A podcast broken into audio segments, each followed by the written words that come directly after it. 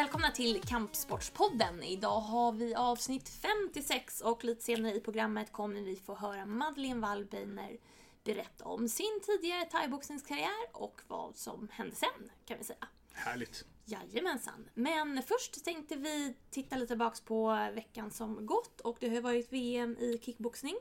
Eh, Kick Light, där vi hade fyra svenskar som deltog. Det blev några kvartsfinalsplatser, men bara en medalj. Mm, oturen grinade landslaget lite i ansiktet. Svåra lottningar och inte riktigt de berömda klysch, klyschiga marginalerna på sin sida eh, den här gången, tyvärr. Eh, lite, lite, lite sådär eh, mm, mm. om svensk kickboxningshöst här med en bronsmedalj. Jag hade lite jag trodde på lite mer ska sägas. Men det är också väldigt svårt i de här mästerskapen där det handlar lite om lottning och dagsform och så vidare. Ja, ja men det får vi säga. Vi hade hoppats på lite mer. Mm. Men då hade vi i alla fall ett VM-brons till Marcus Johansson. Som gjorde det jättebra. Absolut. Det var en tight match där. Verkligen. Kunde... Verkligen tight. Han hade också lite otur, tycker jag faktiskt. Det, var, det kändes, nu, nu såg inte jag någon poängräkning och jag var inte där på plats. Jag såg det framför en stream. Men min känsla därifrån var att det var en ganska jämn batalj. Eh, som liksom hade kunnat sluta kanske lite hur som helst. Jag håller typ. med. Men ett bra, eh, en bra insats av honom. Det kan man inte ta ifrån honom. Absolut.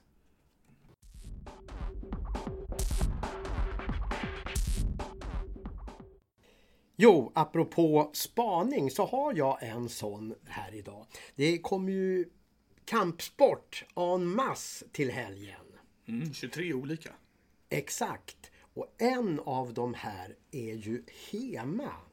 De här historiska europeiska kampformerna som lite varit vissnade men på något sätt växt till liv igen på ett jättefint sätt. Viktig sport så tillvida att de här formerna får ju inte försvinna. Och då tänker jag så här, vilken, vilket himla bra tillfälle för en sån sport som ju många inte vet någonting om. Att få visa upp sig och möjligen också få nya utövare. Och då har ju vi fått Britt med Sjöqvist. oss... Ja visst. Britt, hallå! Hej! Hej! Jag bara tänkte, eh, är det så ni tänker mycket när ni är med på det här? Att det är bra att få visa upp sig. Det kan möjligen leda till att man får några nya som blir intresserade. Ja, men så är det ju. För som du sa, det är ju inte alla i hela Sverige som känner till HEMA, konstigt nog. um, så vi tänker att ju mer vi syns, desto bättre. Och det, det, är ganska många som har börjat med HEMA just för att de har sett en uppvisning eller så och tycker att shit vad ballt att slåss med svärd, det vill jag också göra. ja, alltså jag, jag, jag, tänker det. Hur ser det ut? För att eh, just i en sån här sport där, där det handlar om att väcka eh, gamla grejer till liv igen. Då är det ju så himla viktigt att det kommer nya som fullföljer den här traditionen. Eh, hur, hur svårt har det varit genom åren att få nya som börjar? Mm, jag tror att det har varit en lite sådär stadig ström som kommer in. Sen så är det alltid en utmaning, men det är säkert så inom alla sporter att hålla folk kvar. Och det är de som har hållit på i 10-15 år som är väldigt viktiga för en sport. Men det känns även som om det har lossnat lite nu att det är många fler som börjar. Så jag tror det, det har lossnat lite, det har kommit igång. Om man, om man ska säga något, finns det någon ålder där det, där det är lämpligt att börja en sån här sport? Om det är någon som, som håller på med någon annan sport och, och, och sitter och lyssnar nu och undrar Kan jag som bara är 15 år börja eller ska man vänta till man är lite äldre? Jag kan säga att den yngsta medlemmen i vår klubb är sju eller åtta år tror jag och den äldsta är över 60. Så det liksom den, den optimala åldern för att börja med vilken sport som helst, men även med HEMA är den åldern du har just nu. Britt, om, liksom... om, du, om du får chansen här nu att sälja in HEMA-sporten till, till lyssnarna, vad, vad, vad vill du säga då? Var, varför ska man börja? Den, den, där klassiska, alla slåss ju med svärd när de är små barn. Liksom alla slåss med träpinnar och träsvärd och vissa slutar aldrig slåss med svärd och fortsätter med hema eller vissa kommer tillbaka. Så vem vill inte slåss med svärd?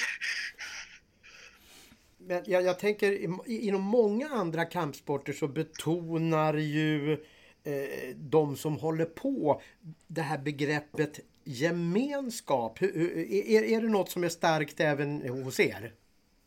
Oh ja, jättestarkt hos er. Vi har en fantastisk community inom HEMA. Jag kan säga att jag började för sju år sedan och efter mitt första år så tänkte jag ah, men jag, kanske, jag kanske tar en liten paus. Och det som drog mig tillbaks har varit människorna.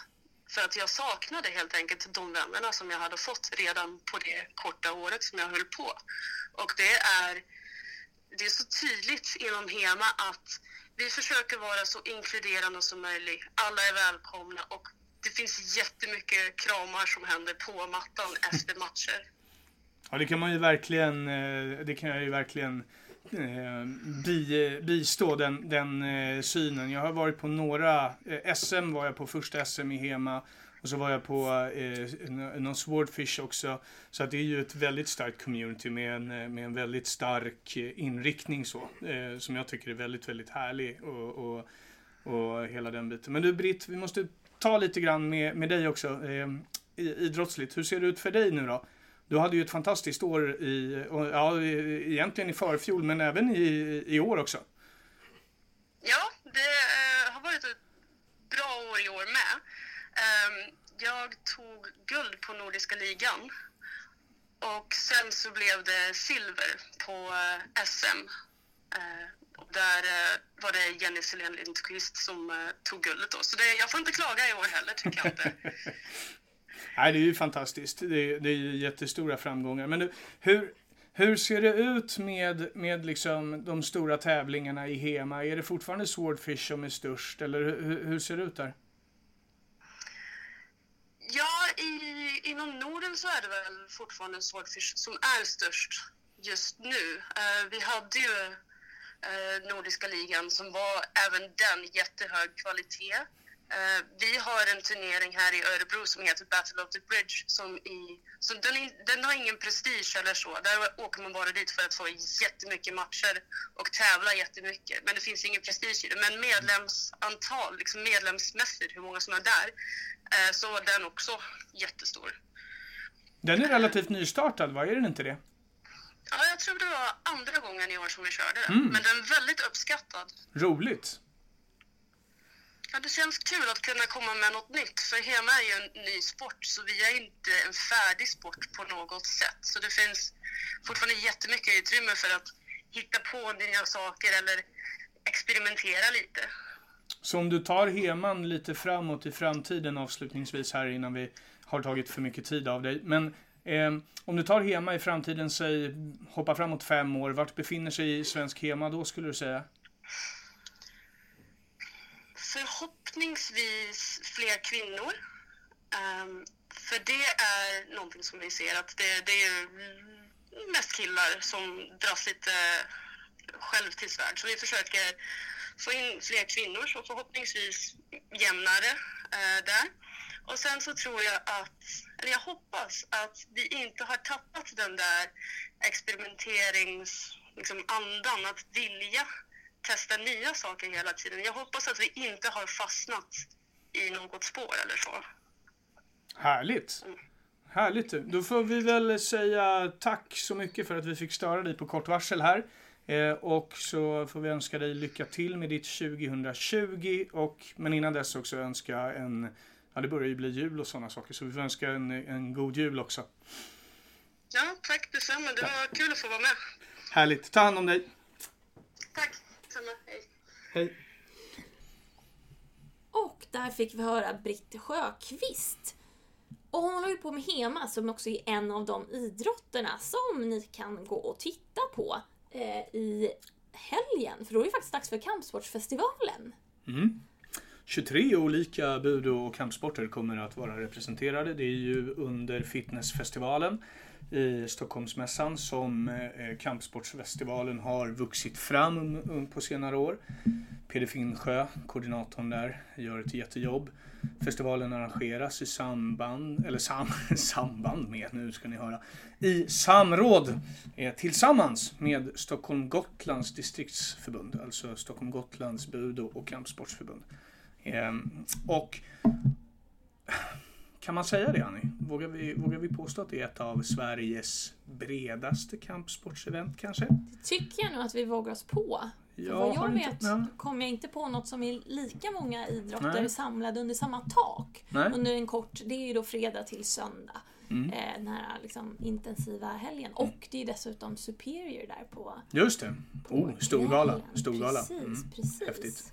Vi var ju där förra året. Jajamän, Ja. det var vi. Eh, det- det- det- Vad kan vi säga då om det? Vad hade du för känsla med dig därifrån förra året? Om du... Det var ju ett superkul event. Det var ju både tävlingar eh, och uppvisning. Ja. Så där kunde man ju liksom, och man kunde också få möjligheten som man kanske inte alltid får på till exempel ett SM och sådär, utan man får kliva fram och prata med människorna där och det är lite, kanske någon monter eller sådär och man kan fråga om man kanske vill testa och ja, man kan eh, närma sig idrotten lite mer direkt än när man bara ser ett sport eller liksom en tävling eller så.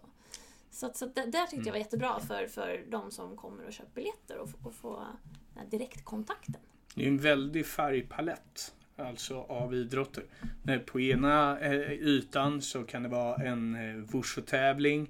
Nästa yta så är det thaiboxning. En tredje yta så är det aikido. Och sen har vi kyudo som kommer vara med. Och så, alltså herregud, det är, ja, det är fantastiskt. Det finns ju någonting för alla intresserade om man säger så. Att uppleva. Och det är ju bra kvalitet på grejerna också. Så att det inte är liksom så. Utan jag vet att aikidon kommer med ett jättegäng.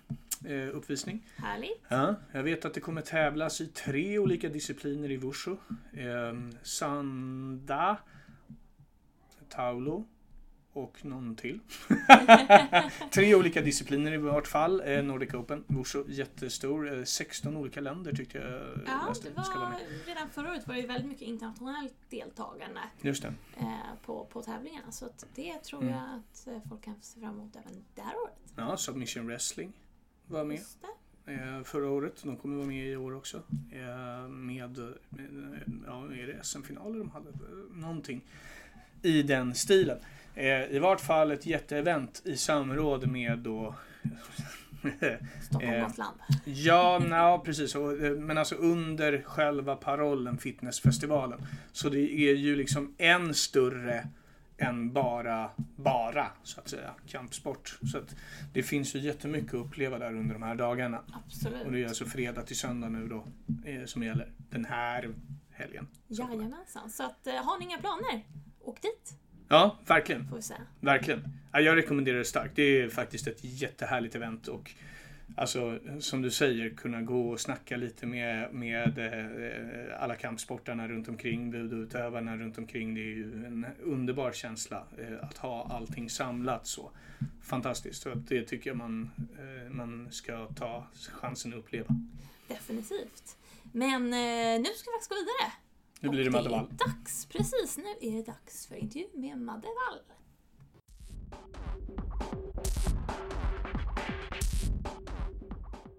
Idag står vi här med Madeleine Wall Beiner. Välkommen! Tackar. Thaiboxare Japp. och sen en massa andra saker. Många sträng på sin lyra. Det blev så, ja.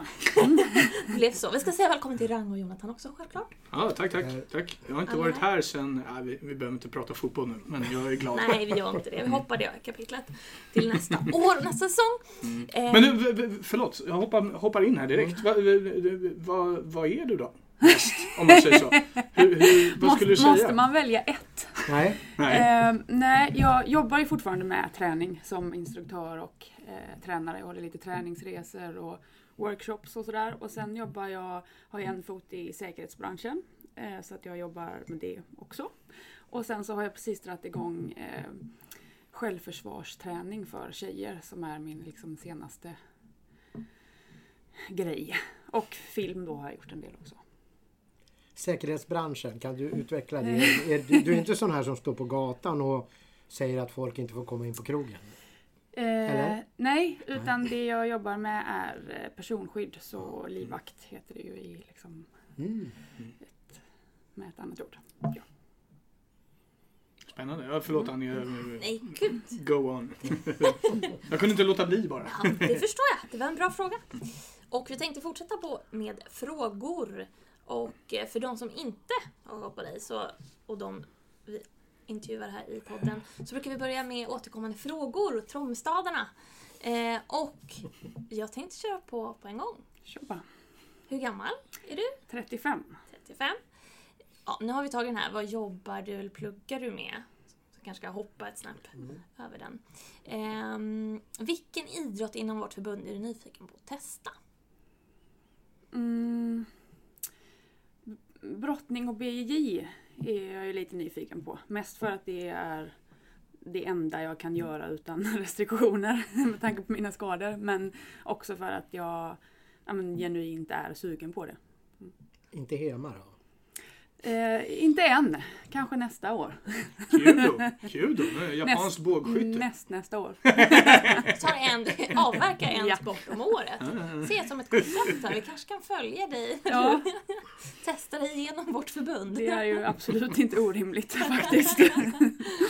Eh, rött eller vitt? Eh, vi, oh, rött. Rött. Mm. Vad är du rädd för? Mm. Ja. Mm, ormar. Bra svar. Vad drömde du om när du var liten? Att jag föll. Mm. Och att jag blev jagad. Och att jag låg i krig. Till frukost. Häller du upp flingor före eller efter mjölken?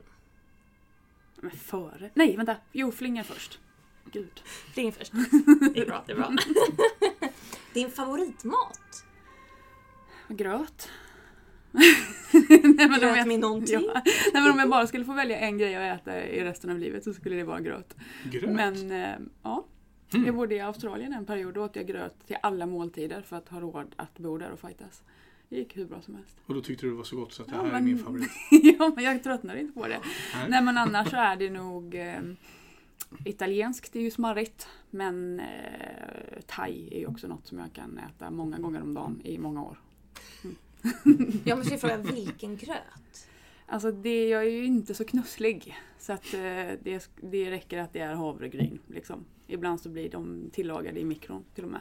Så att eh, det är föda, energi, ja. Check på den. Drömresemål? Mm. Inte, inte ett som jag så här, dit har jag alltid velat åka men eh, Hongkong är jag nyfiken på. Hawaii, Kuba. En hel del Mm. bra ställen. Bästa tv-serien? Mm.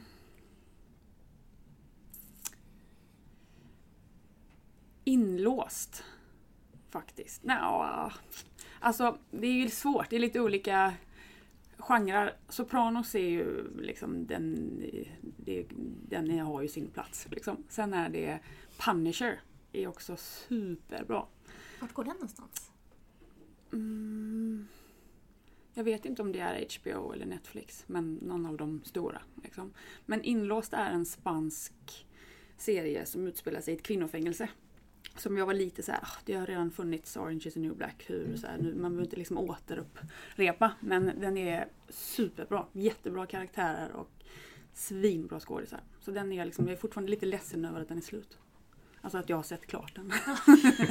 Men då kan ju vi, kanske vi som kanske inte har sett den, då har vi något att se fram emot. Precis, och så kan jag ju leva liksom genom er glädje. Ja precis, vi ringer dig när vi har sett Ja. varje avsnitt. Och Ja, diskuterar en timme med dig. Precis, så kan vi prata om så här, men gud vad trodde du, vad hände här? Vad, vad menade han egentligen när han sa så här? Men det är lite så som man liksom fortsätter leva genom de minnena som kommer upp Mm. på Facebook. Jag tror liksom att jag går match hela tiden för att de minnena kommer upp och så bara hänger jag desperat kvar i det. Du bara, ah, det var jobbigt igår Ja. när jag gick den här matchen. Bra, bra jobbat där Madde. För åtta år sedan. Är du nostalgiskt inlagd? Eh, Inte särskilt förutom när det kommer till fightingen men det är ju för att jag inte vill sluta. Liksom. Så att den är ju, den är ju ett, ett öppet sår. Liksom för evigt. Nej, kanske inte, inte ett öppet sår men den är känslig. Om det var ett djur, vilket skulle vi vara då? Jag skulle vilja säga något mindre klyschigt än lejon men det är ändå, lejon är ju, de är häftiga. Mm.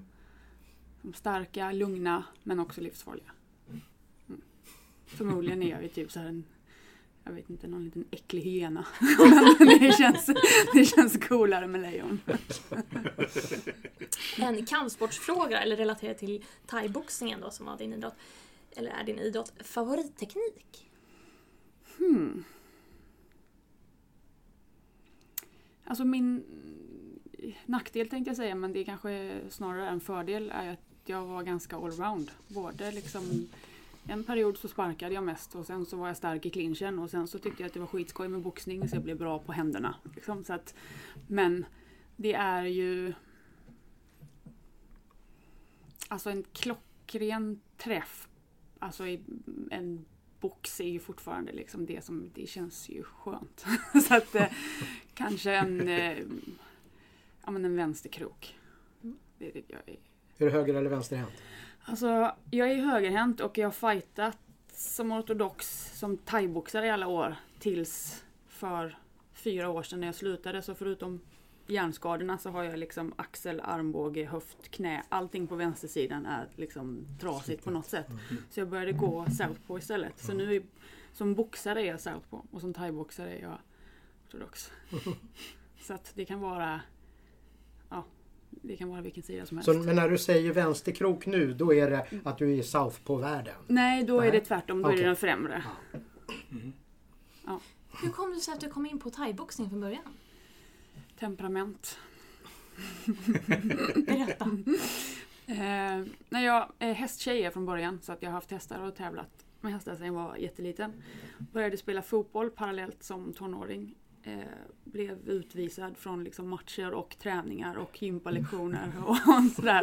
Så att då var jag trotsig och eh, såhär, då ska jag börja med något där jag får slåss. Och så tänkte jag att där får man vara arg och så är man skittuff när man är arg. Så. Eh, det, eh, så är det ju inte alls, utan det är tvärtom. Och varje gång jag blev arg som fighter så fick jag ju stryk. Liksom. Men jag var ändå, för fightingen så var jag ändå beredd att lägga ner tiden på att jobba på liksom, känslorna och temperamentet för att bli bra. Det hade jag nog inte varit beredd att göra för något annat. För jag tyckte att det var ganska töntigt med mental träning och liksom så här. Men varför ska man vara lugn? Alltså det är, man vill ju vara... Ja, det var, jag, hade lite, jag hade det lite skevt där i hur jag trodde att det var. Det är ju de som är lugna och kalla som är farliga, inte de som springer runt och spänner sig och spelar tuffa. Liksom. Men jag testade på eh, thaiboxning som 19-åring tror jag och efter första passet så var jag- då jag var liksom där. Det var min grej. Liksom. Kommer du ihåg någonting specifikt sådär från första passet? Som liksom har etsat sig kvar hos dig?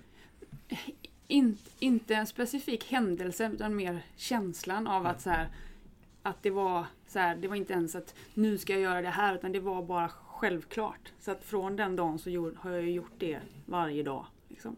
Och då var det ändå ganska konstigt. För det var i Thailand, jag var där och så här, på backpackerresa så att jag bara gled in på, på ett camp och så här Hej, jag ska träna. Så här, och då, att som tjej då, det var inte liksom supervanligt.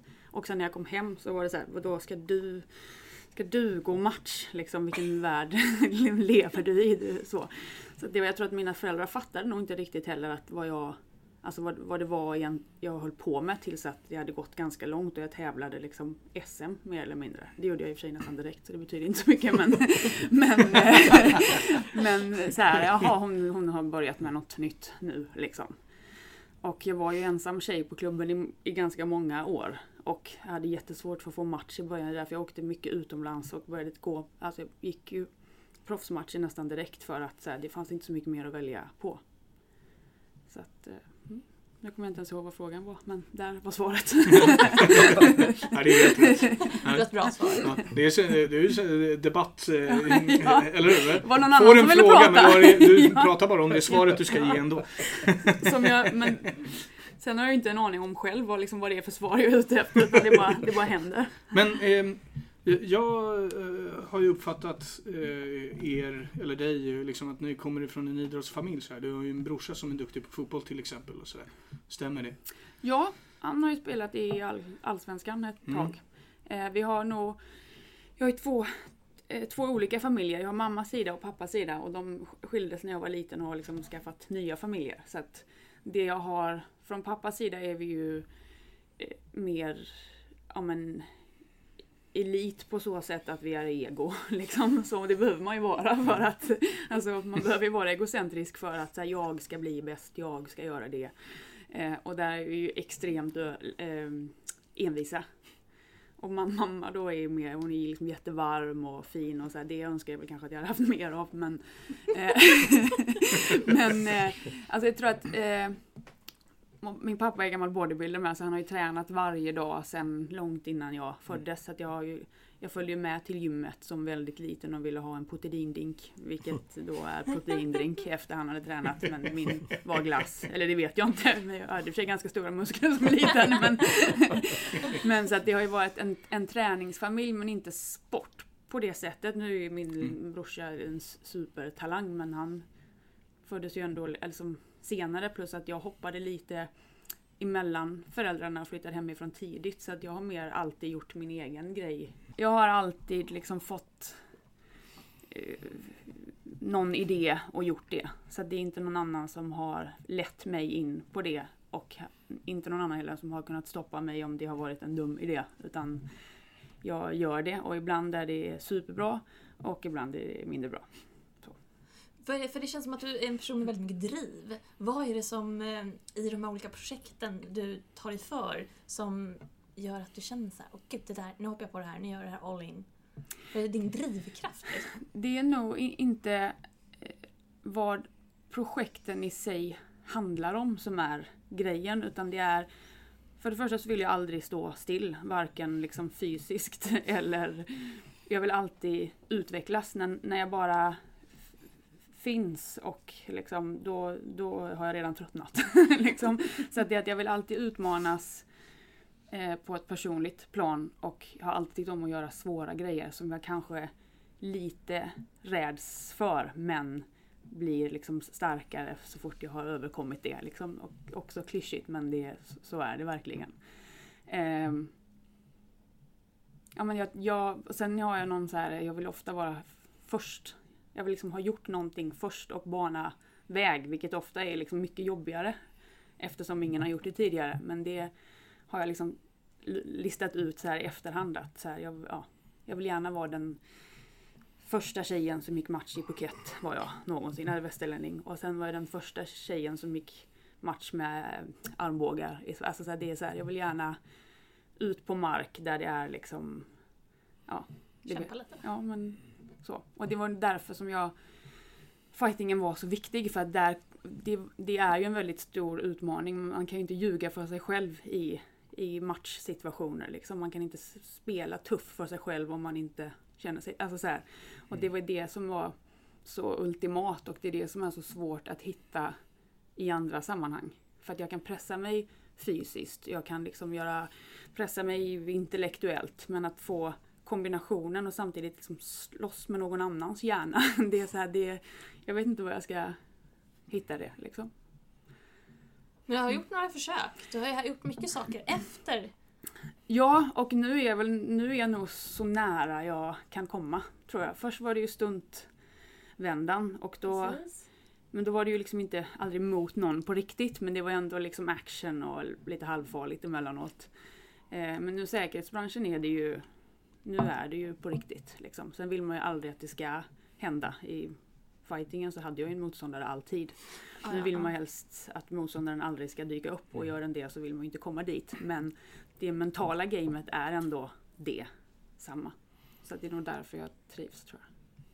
Men nu, mm, ja, kör du Range. Ja, men hur, hur, hur, hur, hur pallar du det då? Du, du ville ju inte vara på något sätt som overksam. Och om du då har ett bevakningsuppdrag och ingenting händer, och, och, händer inte det där då hos dig att ah, men varför ska inte hända något då?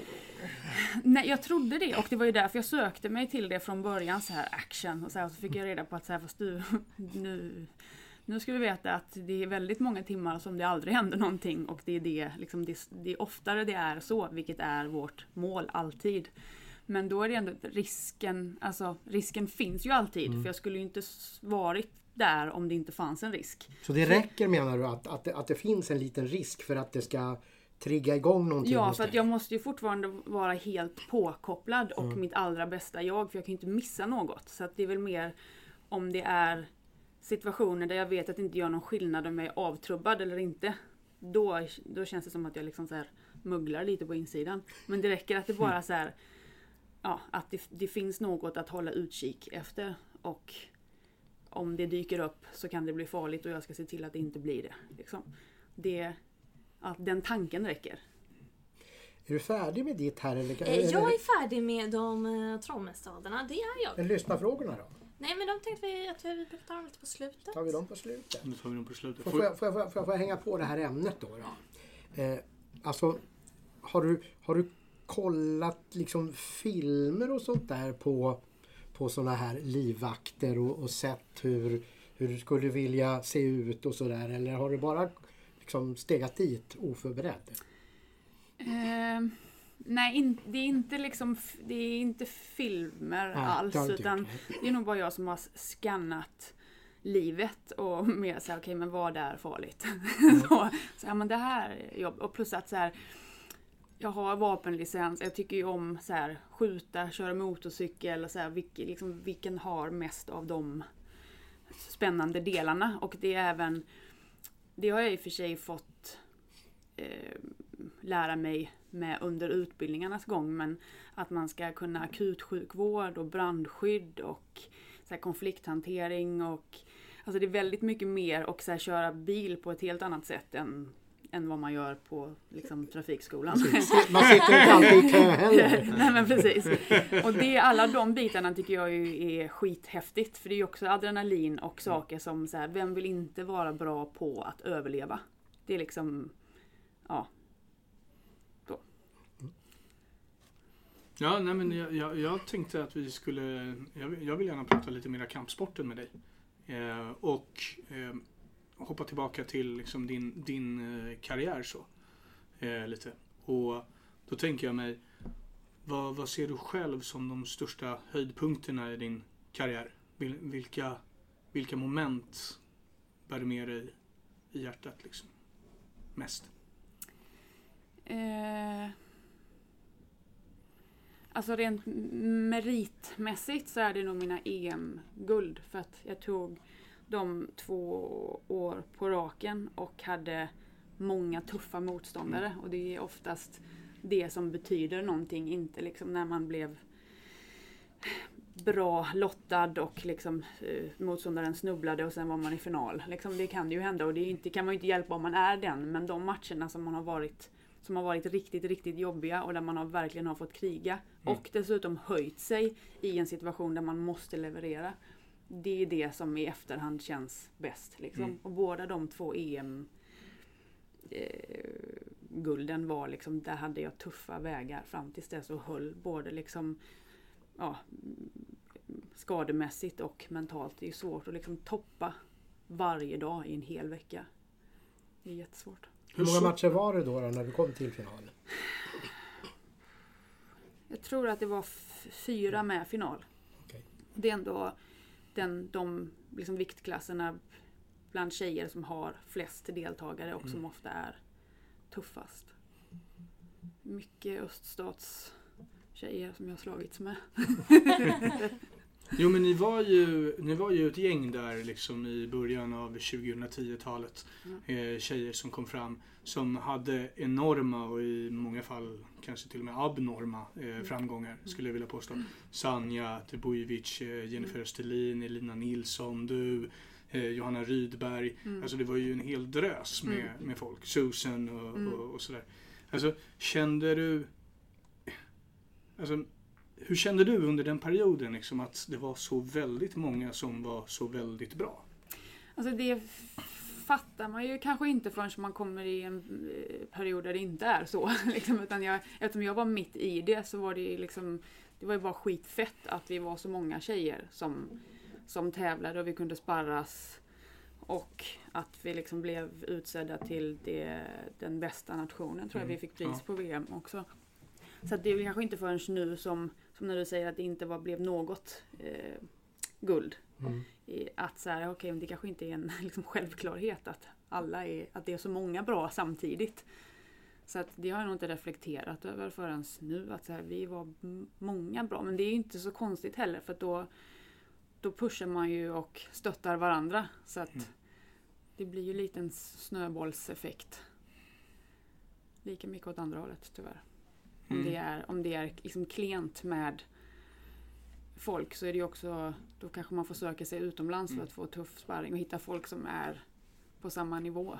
Ja precis, för du har ju varit med om båda de delarna kan man ju säga under din kampsportsresa. Det här sökandet efter matcher, sökandet efter liksom, eh, motstånd och, och hela den biten och den Mm. frustrationen i det till att liksom komma till den här perioden när det var väldigt många som var väldigt bra. Liksom. Mm. Och det, också, det var ju, det, för jag gick ju både liksom proffsmatcher på eh, kvällsgalor och mästerskapen. Och mästerskapen var ju nästan värst. För att det var... Ja, men det är så mycket som ska stämma för det första. Men också att det... Nej, jag vet inte vad det, det är. Något, det är något särskilt med det som gör att det är mycket mer pirrigt. Alltså att gå, även om det är skydd liksom i kvalmatcherna. Så att det är Mm. så här, det är inte det som är grejen, utan det är det psykiska. Att det är så många bra samtidigt. Så där är hon den ryskan, och där är hon från Ukraina. Hon har vunnit liksom i hur många år som helst på raken. Och så har man en proffsmatch så, så har man också väldigt mycket längre, mer tid på sig att liksom förbereda sig för just den personen. Nu vet man aldrig vem man ska möta från liksom dag till dag. Så att det, det är nog- därför det känns, alltså väger så tungt med mästerskapsmedaljer tror jag.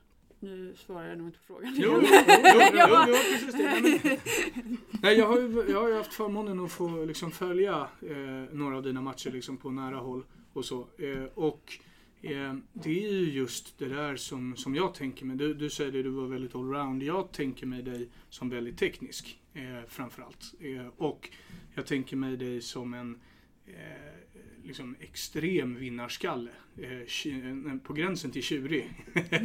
eh, och jag tror att det har liksom På gränsen till dum i huvudet skulle jag vilja säga. Ah, det, det, så långt ska vi inte gå. Men, men alltså just den här. Jag minns någon gång när vi pratade. Det var Bosön för många år sedan. Ehm, vi satt ute där på någon servering. Ehm, och alltså det, det slog mig liksom att det här är det här är inte en, en, en, en vanlig människa i den bemärkelsen utan det här är verkligen någon som verkligen går in för det här. Som verkligen vill bli bäst och som vet vad som, vad som krävs. Eh, och med det sagt då så tänker jag mig liksom att eh, det blev så väldigt sorgligt eh, med det som blev med, med din skada och Mm. hela den biten. Och du säger det nu också att det har varit jättesvårt för dig liksom att, Mm. att ta dig igenom det. Mm. Eh, hur... Men vänta, Ja. Innan, innan, Ja, innan vi, vi kommer in innan vi kommer till Mm. det där, när vi hänger kvar med det här. Ja. Alltså, du sa ju att du hade haft förmånen att, Mm. att se några matcher. Kan du inte beskriva hur, hur såg en match med Madde ut? Ja, det var, alltså de jag såg, det var alltid tempofyllt. Eh, alltid liksom... Eh, om man fastnade i clinch så var det väldigt mycket clinch. Om det fastnade på distans så var det väldigt mycket distans. Eh, och det var alltid bra i alla moment. Hon behärskade liksom alla moment skulle jag vilja påstå väldigt bra. Det var liksom ingen specialitet så. Även om många som kanske skulle vara lika duktiga i clinch skulle säga att det här är min specialitet. Eh, så var Madde liksom, hon var specialist på väldigt många grejer skulle jag vilja påstå. Men var hon en, en attackerande eller beräknande fighter skulle du säga? Både och. I min, i min, alltså väldigt duktig på Fegt, att- vad säger du själv? Nej men jag är, jag är där också för att det som var min som styrka men också så här, som gjorde att jag aldrig för många har ju sitt game liksom och kör de det så vinner de men Mm. också får de inte utrymme till att köra det då kan de falla ganska platt. Ja. Men jag kunde nästan säga okej men nu möter jag, ska vi se, ta första ronden till och säga vad gör du? Så Mm. kommer jag möta dig på det och sen så kommer jag försöka ta dig där. Och det är ju eh, superbra antar jag att kunna möta många olika fighters på deras sätt. Men jag kände aldrig så att nu går jag in och så gör jag min grej. För min grej var olika varje match. Mm. Liksom. Tänker Och så att-. Jag började nog oftast med att neutralisera. Och sen tog jag över. Mm. För jag, blev, jag är en sån som också blir starkare rond för rond. Så att sen kunde jag liksom, jag brukade liksom försöka öppna eh, konservburken och sen så när jag liksom väl fått en, en liten öppning så då käkade jag upp resten. Liksom. Men jag var inte, jag rusade liksom aldrig in eller Nej. så att jag var inte jag var, in, jag var inte en liksom attackerare på det sättet. Men jag var inte heller bara en kontringsboxare. Jag, jag, jag, jag Mm. kunde göra det. Men sen vill jag ju också alltid ta över. Så om jag liksom backade så var det ju för att jag hade en plan, inte för att springa därifrån och peta in en teknik i farten. Liksom, utan det var ju alltid för att sen ta över. Är, är, är, är det din uppfattning om att du var bra på att läsa motståndaren snabbt? Ja, det kan det nog vara. Och eh, jag var ganska stark mentalt. I alla fall de sista åren. Mm. Jag var inte, det var inte så att jag kände mig svag innan det. Men då kunde jag kontrollera mig själv väldigt bra de sista åren. Och då även läsa av, inte bara tekniken hos motståndaren utan så här, var, var är hon? Tror hon att hon har övertaget nu så behöver jag visa henne att hon inte har det. Mm. Och sen så kan man också känna när man säger okej fast nu har jag dig. Nu spelar det ingen roll vad du gör för att du är liksom i ett psykologiskt underläge. Och då får man ju också jättemycket energi av att bara veta det. Hur såg du det då att, att hon var i psykologiskt underläge? På vilket sätt kunde du notera det när, när du stod mitt emot? Det är en känsla. Är det tror känsla? jag. Ja. Eh, alltså sen kan det ju säga rent... Det kan ju vara att de börjar backa mycket och inte Mm. vågar gå på men det behöver inte gå så långt för att jag skulle uppfatta det. Ah, okej. Det kunde ju vara så här på vägen upp till ringen ett VM så mötte jag en marockanska som jag fick liksom stryk av. Och det kände jag när hon gick förbi mig upp till ringen. Vilket sätt var det inte lika härligt att känna det. Nej. För jag var wow! Vad var det där? Så här, jag kommer få slåss. Och då var jag också svag för att jag hade bantat som jag gjorde. Så att jag visste att jag gick upp liksom med ganska dåliga förutsättningar. Och så mötte jag liksom någon sån gatu stenhård brud. liksom. Det var också första året som Valentina Shevchenko inte vann och det var hon marockanskan som tog henne. Så hon gick liksom bara svepte förbi mig och jag bara liksom kände typ kalla kårar av det. Så att det är är väldigt tacksamt om man märker att någon är svag men tyvärr så känner man ju också när någon är stark. Liksom. Hur var det annars inför matcher och så? Var du någonsin nervös? Var det liksom, eller hade du den här tryggheten med dig direkt från... Nej men jag var nervös. Inte kanske, alltså det finns ju många olika sätt att vara nervös på. Det var ju för att jag ble, blev ju, jag var ju def, definitivt annorlunda innan match och efter. Sen kanske inte så här, åh vad kommer hända utan eftersom jag är så mycket tävlingsmänniska som jag är så är det nog mer liksom eh, Eh, min egen press som jag mår dåligt över. Inte att så här, vad ska någon tycka eller hur, hur ont kommer det göra? För det kommer man ju liksom över efter några år. Men det var nog mer ja, men kraven på mig själv tror jag också. Ju mer man vann och ju större mästerskap man vann desto alltså då, då var ju allt annat än guld dåligt till slut. Så att det var nog det som gjorde att jag var nervös i så fall. Hur hanterade du det då? Jag var bara extremt otrevlig mot alla jag kände. Nej men det, är ju- det är ingenting man kan göra något åt. Det, det var i och för sig inte en lögn. Men, men eh, det jag lärde mig de sista, sista åren, jag jobbade ju mycket mentalt med min mentala tränare Igor Ardoris. Han var ju med mig i flera år. Och det som jag tjänade på var att, så jag tror att många som är nervösa får liksom lite panik av de känslorna och försöker låtsas som att man inte är det och då blir det ju mer, det blir två kamper. Först en kamp mot, mot att liksom låtsas att man inte är nervös och sen så kampen i att man faktiskt är nervös. Medan jag säger okej fast så här känner jag inför varje match och det är okej för att jag vet att jag kommer slåss bra där inne i ringen ändå även om jag mår lite dåligt nu för att, det snart, för att jag snart är där liksom. Så att, och att när, alltså nervositeten inte behöver vara något dåligt heller. Så länge man inte liksom mår så dåligt att man kräks eller svimmar. Men bara att gå runt och vara liksom lite stingslig är inte, det är ingen fara. Liksom. Hade du någon sån här ritual eh, bara för dig själv? Liksom, när du gick in till ringen att ja, jag måste kliva in med bara högerfoten först hela tiden eller alltså någon sån här lite tics nästan. Inte just där framme, men jag hade ganska mycket ett tag i så uppvärmnings...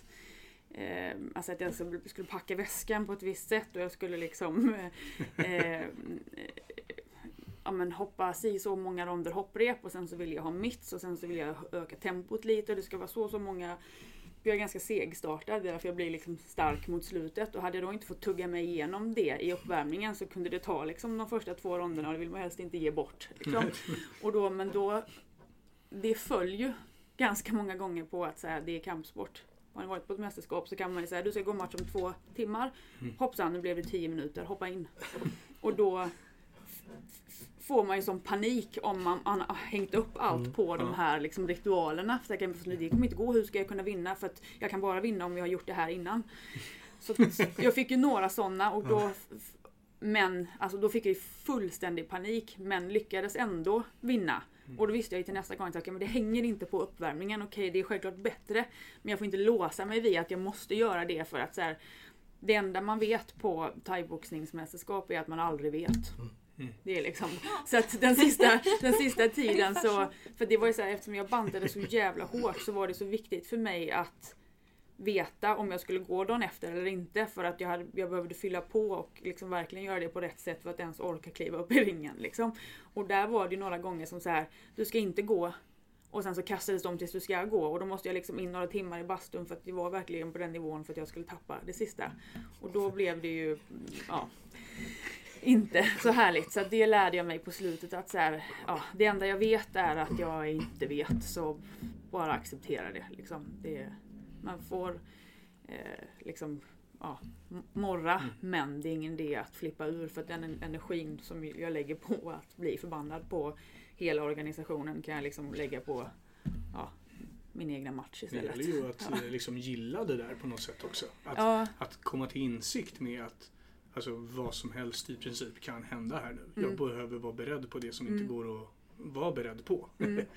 Och det var ju det var supersvårt, och både för att liksom, det var så mycket som stod på spel men också för att så här, min personlighet, jag har svårt för det. Jag kan liksom anpassa mig till nästan vilken situation som helst. Jag kan liksom sova på golvet i boxningslokaler, det spelar ingen... Alltså så här, men bara jag vet att det är det jag ska göra, då kan jag ställa mig in på det. Men när någonting kastas om snabbt, och det spelar ingen roll om det är så här eh, du ska äta lunch ett eller fast det blev halv... Alltså det, är så här, det spelar ingen roll vilken typ av förändring det är, bara att det blir som jag inte har tänkt är liksom en ganska stor process i min hjärna liksom, som, jag behöver, som jag behövde träna på. Och det som var bra då var ju att jag var tvungen att lära mig hantera det, vilket jag har nytta av nu.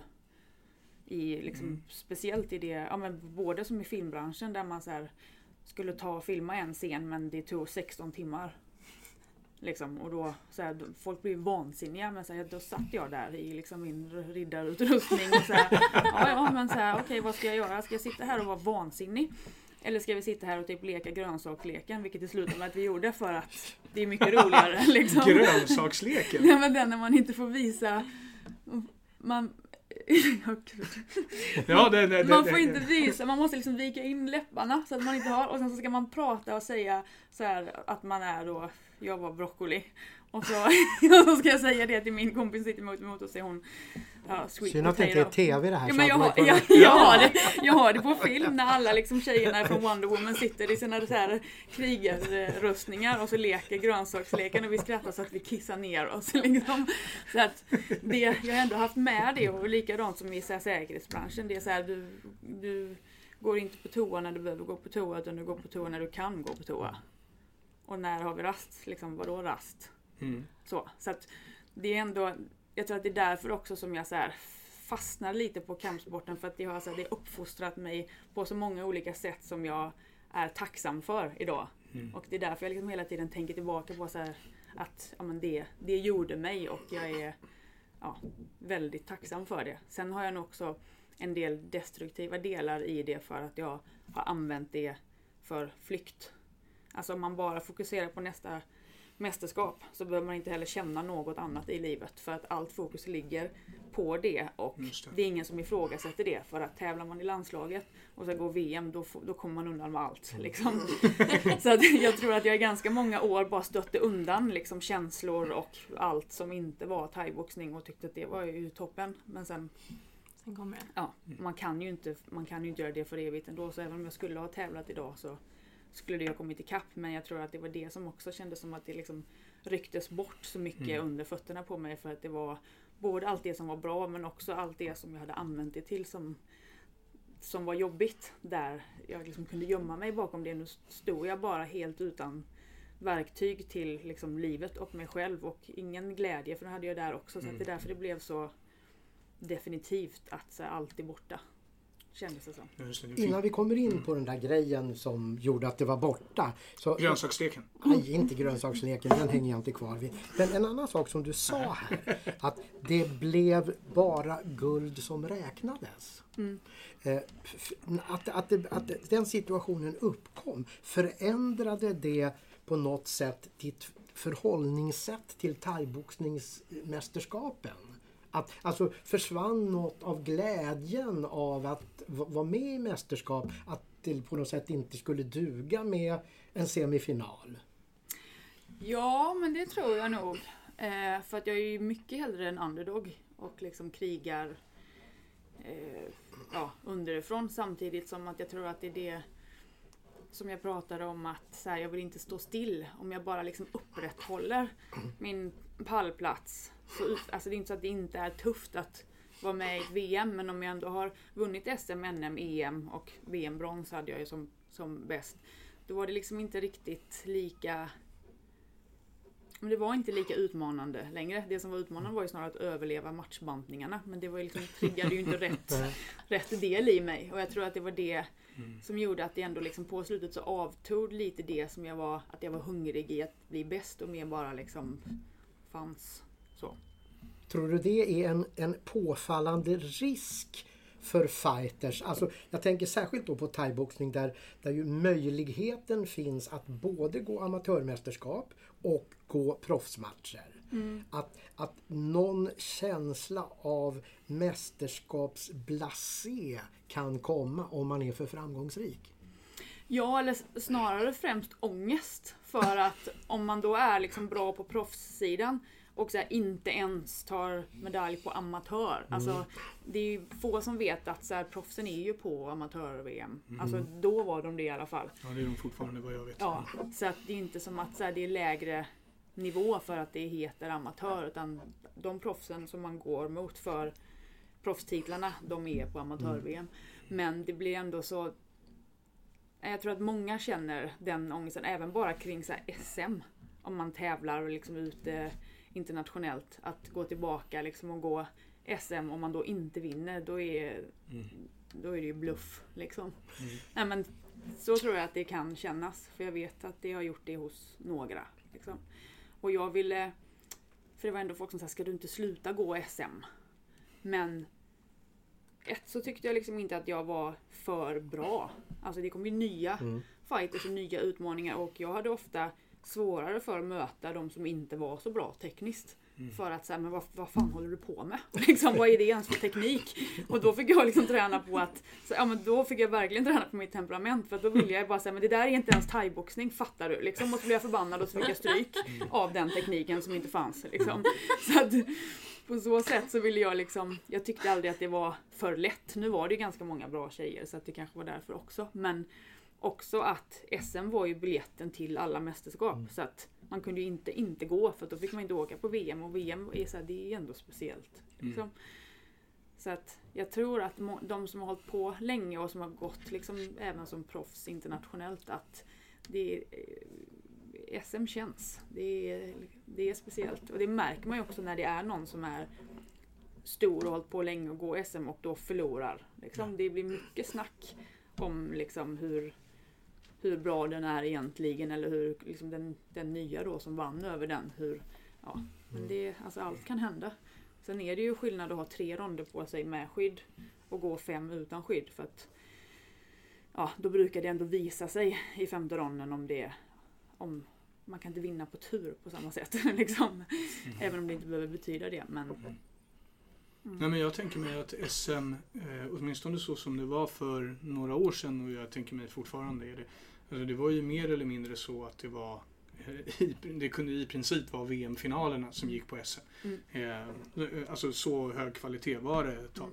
Och ehm, en annan grej som jag tänkte när det var just det här med, med eh, turneringar och hela den biten. Så många som man ser är ju eh, väldigt fokuserade och kanske lite skrajsna också för den första matchen i, i ett mästerskap. Att Mm. man vill hemskt gärna inte åka ut direkt. ja.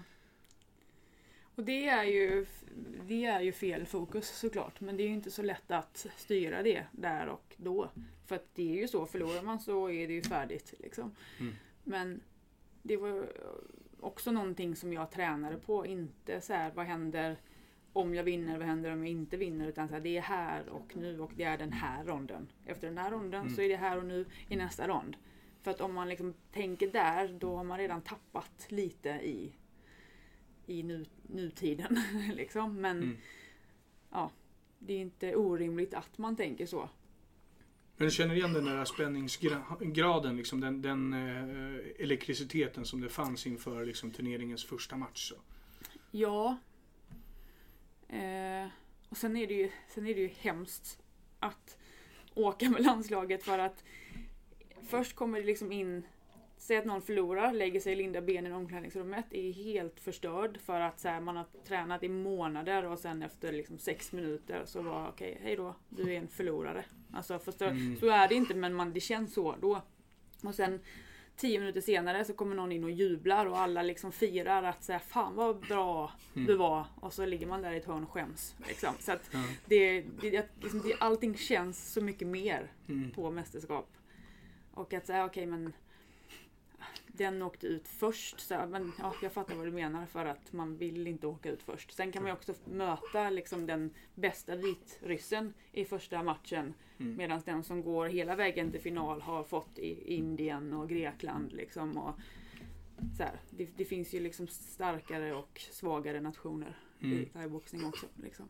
Ja, den, den som vill ha känslosvall på riktigt kan ju verkligen liksom försöka leta sig in i ett omklädningsrum där under mästerskapen för att se det. Det är, det är ju ganska fascinerande om man säger så att någon kan ligga där vara skitledsen, någon annan gör sig beredd för match, en tredje är jätteglad och en fjärde är väldigt nervös. Alltså det finns allt på en gång där i känslor och det är rätt härligt för en som är liksom neutral betraktare. precis, liksom. för den som bara betraktar. Den som fotar och skriver lite.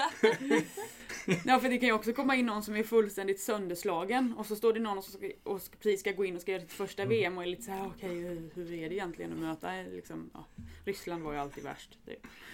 Men, Men det där, det där är en häftig grej i boxning, thaiboxning, kickboxning och så här att istället för att inte kunna uttala namnet på sin motståndare så säger man Ryssland, Grekland, Iran. Otroligt bra alltså.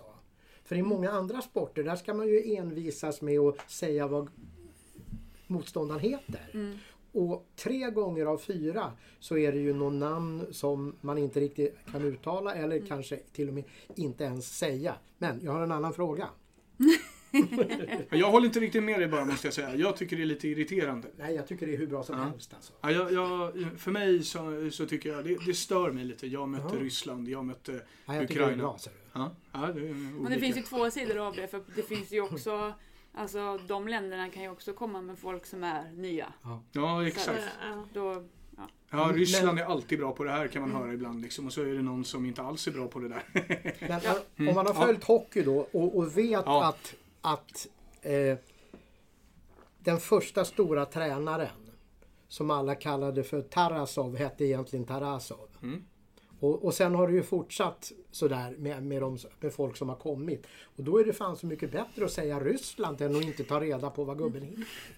Ja, du tänker så. Ja, ja, jag, för jag, tycker, jag tycker det är ofint att Uttala fel. Ja, att inte, att inte ha tagit reda på liksom eh, vad, vad heter du? ja, Eh, Det, alltså det, på något sätt om man är bevakare. Och, och jag, menar, många som bevakar skriver ju, de, behöver inte, de, de har inte det problemet. Men om du är bevakare och använder munnen och inte har lagt ner någon glöd. I regel så har de ju pratat med tränaren och, och, och frågat hur mycket som helst om liksom spelet och hur de ska göra ditten och datten. Men de har inte frågat vad heter folk i laget? Jag tycker det är besynnerligt. Nu glömde jag bort vad jag skulle fråga. Jo, jo, jo, jo, jo, jo, jo, jo. Eh, vad i mästerskap, du får välja SM, EM eller VM eller eh, till och med proffs. Vad är det kring de matcherna du saknar mest när du står här nu denna onsdag middag? Hur jag kände mig levande. För att det finns... Det, det finns inget annat sammanhang där jag har känt mig mer levande. Alltså på all, alla känsloskalor. Det är, man mår ju extremt dåligt innan och sen så mår man extremt bra om man har vunnit. Och det blir som att allting blir så blekt jämfört med det. För att det går inte att känna mer. Om Broberg och jag med varsin leksakspistol kommer runt ett, en husknut när du jobbar som säkerhetsmänniska. Skulle det kunna komma i närheten av det då? Alltså adrenalinpåslaget, ja. ja. Men jag har ju inte heller så här krigat i månader för det. Nej. På samma sätt. Alltså jag tror att det var för att man betalade ett så högt pris. Mm. Som gjorde att det på något sätt... Alltså ju mer dåligt man mådde desto bättre. Nej men, men det var som att... Då, och det var också lite dumt och det var det som gjorde att jag också gick ner mig mer eller mindre för att så här, det, Vadå gick ner mig? Nej, för jag eh, kollapsade av matchbantningar och det var liksom, mina sista år var ju liksom en nedåtgående spiral där jag tog allting lite för långt. Ehm, och det var ju det som var mentaliteten, så här, att det ska göra ont och det ska vara tufft. Och ingen hade kanske gjort de matchbantningarna som jag gjorde tidigare heller. Så att man visste kanske inte hur farligt det var eller vilka konsekvenser det skulle eh, leda till. Men det var liksom... Ja, det, ju, ju, ju värre man mådde desto liksom tuffare var man mer eller mindre. För att ju mer man kunde uthärda desto... Ja, Mm. jag vet, det, är, det är skitlöjligt och jättedumt men det var det tänket och jag tror att det kanske är det lite fortfarande men inte riktigt lika mycket. För att nu har det ju kommit in... Alltså då kändes det som att Alltså när jag började träna thaiboxning så var det ju att så här, ja men vem är tränare? Ja men det är den som har tid. Liksom. Det fanns inte så mycket mer, någon som var liksom talang på att slåss men det fanns liksom ingen fystränare eller någon som hade koll på kosten utan så här, ja men så gör de i Thailand. Ja men så här, ät gurka i, i fyra veckor. För det gjorde han, hörde vi om i Pattaya 86. Alltså så det, så här, man mixtrade gans, med ganska farliga grejer baserat på liksom någon hittepåsaga. Och nu när, det har liksom, när man kan tjäna lite pengar på sporten då har ju folk, alltså där kan man nog tacka liksom UFC att så här, då har de ju riktigt bra team runt omkring sig. Och att, sen pressar de ju också men de vet, det tror jag att man kan liksom mäta och hålla koll på så att man inte faller, liksom tippar över kanten. Och jag liksom fick ju min feedback först när jag hade tippat. Så, och fick ju tippa några gånger tills att jag, okej men nu, nu kommer liksom slutstupet om jag inte lägger av. Liksom. Men det här med bantningen är ju en, en, eh, en ganska het debatt till och från i, i, i våra idrotter. Inte bara det här med liksom att det kan få med sig kroppsfixering och, och mycket negativa inslag så, utan det kan ju även gå riktigt illa eh, om det vill sig illa. Eh, vad, vad tänker du om, om just den biten? Eh, jag vet inte exakt hur klimatet är nu men jag vet att när jag höll på och liksom något år till så var det ganska illa. Att man blir, alltså fixerad blir man ju vare sig man vill det eller inte men att det var väldigt många som var ätstörda. Ehm, och för min del så har det kostat så mycket i att jag har väldigt långa perioder som jag inte minns någonting alls. Detta var innan hjärnskadorna så det är liksom inte, har inte med smällarna att göra. Och sen har jag eh, jag kunde inte äta utan att börja frysa jättemycket och fick nästan lägga mig ner på liksom golvet för att ja, jag hade liksom förstört hela tarmfloran så att det var ingenting som fungerade som det skulle. Än idag så har jag så här svårt för mättnads och hungersignaler för att jag lyssnade inte på dem i så många år. Senast igår så åt jag och min man en, på en buffé i Uppsala åt skitmycket. Och sen när vi kom hem, för vi åt ganska sent eh, lunch. Och så kom vi hem och då hade jag så här mitt ja, men, brukar äta eh, mellanmål vid en viss tid och då var det typ en timme efter vi hade ätit. Sen bara, men hur kan du äta nu? Jag är proppmätt. Så jag bara, fast jag, alltså jag vet ju inte om jag är mätt. Jag äter för att det, jag brukar Dags. göra det. Så att där har jag liksom på samma sätt som jag stängde av de signalerna för att svälta. Så som slår, det går åt båda hållen om man säger. Och nu är det kanske inte farligt att äta för mycket så länge det liksom inte helt ballar ur. Men där har jag ju förstört mycket. Ehm, också med intoleranser och ett, ett tag så var det 13 olika saker jag inte kunde äta. För att jag antingen hade ätit liksom för mycket av det och liksom skapat intoleranser. Eh, eller för att jag bara inte kunde bryta ner det. Och det här är ju bara de fysiska grejerna. De psykiska är, är ju fler. Mm. Så. Hur länge höll det på det där då, som gjorde att du hamnade i den här situationen att du liksom ja, svälte dig och mådde dåligt?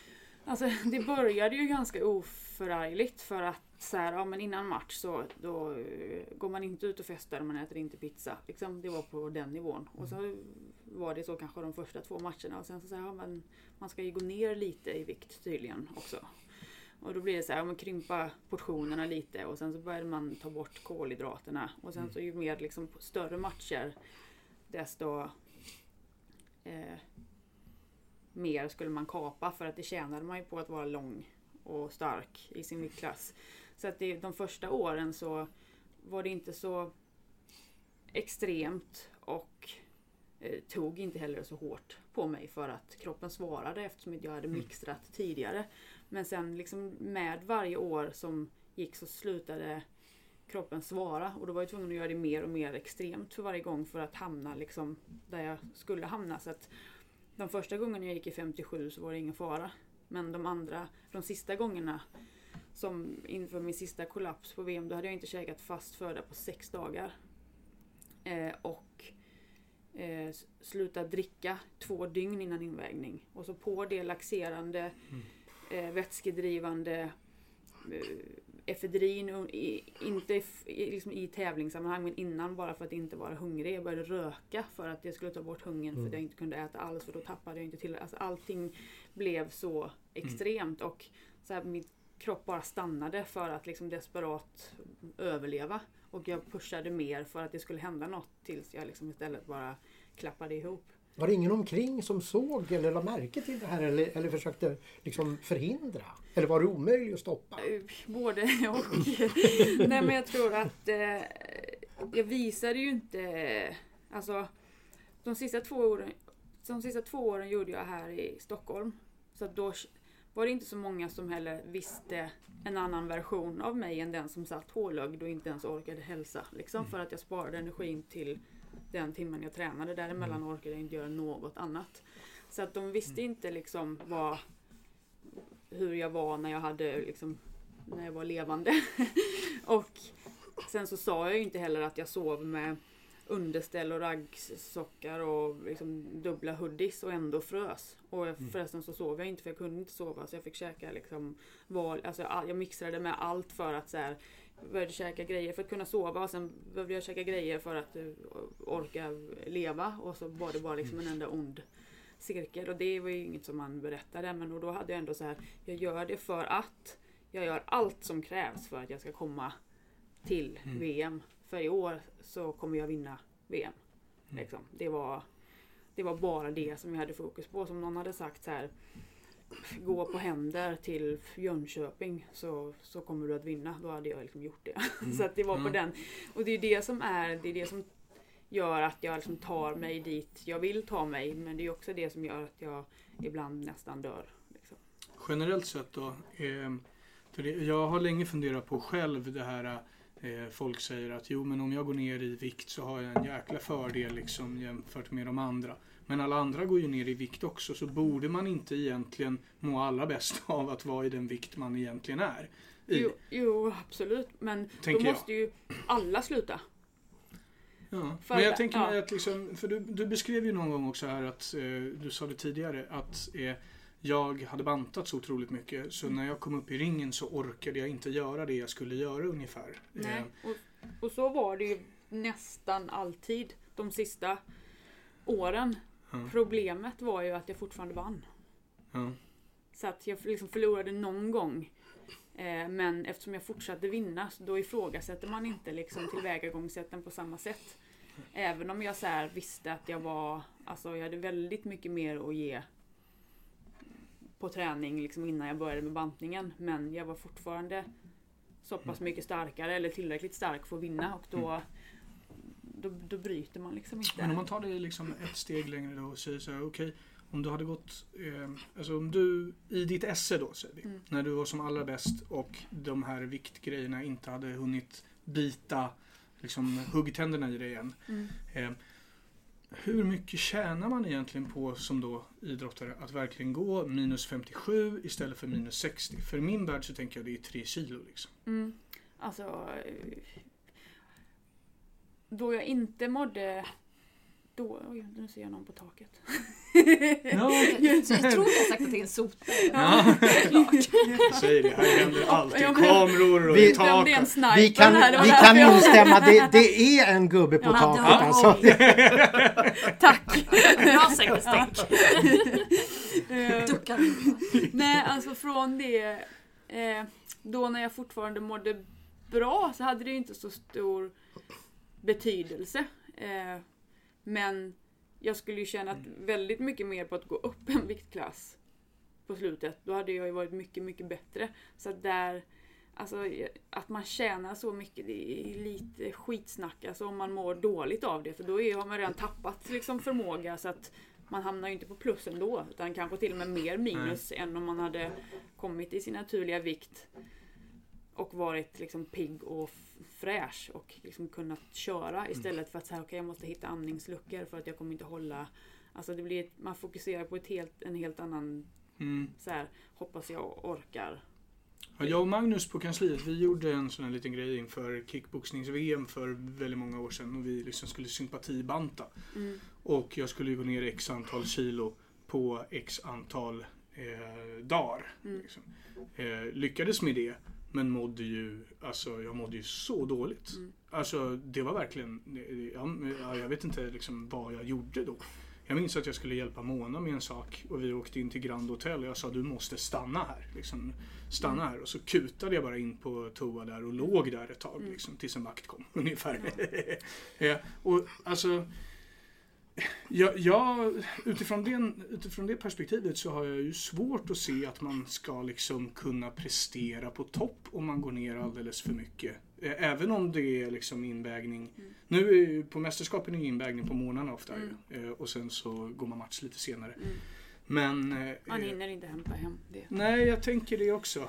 Eh, Men jag, jag har heller inte tävlat på den nivån så att jag Nej men har så inte är det. den Nej men du har rätt i det. Det är bara att man hjärntvättar sig själv tror jag för att fixa det. Man kanske vill känna att man har gjort allt, allt. Ja, fast man har ju liksom gjort allt för att bli lite sämre egentligen. Skulle man kunna komma till bukt med det här då? För det är ju ändå ett litet bekymmer, eller inte så litet heller, om man mår som du gjorde. Liksom. Ja, och jag tror också att så här, som hjärnskador och hjärnblödningar och sånt, de börjar liksom ändå ploppa upp lite här och där. Jag tror att bantningen har, liksom, har en del i det. För när man har dratt sig till att det, man inte ens har liksom fett runt organ, ingen vätska i Mm. kroppen. Alltså, jag, jag vet inte för att jag är liksom ingen läkare och har ingen kunskap om Mm. det egentligen. Men jag tror ändå att det påverkar.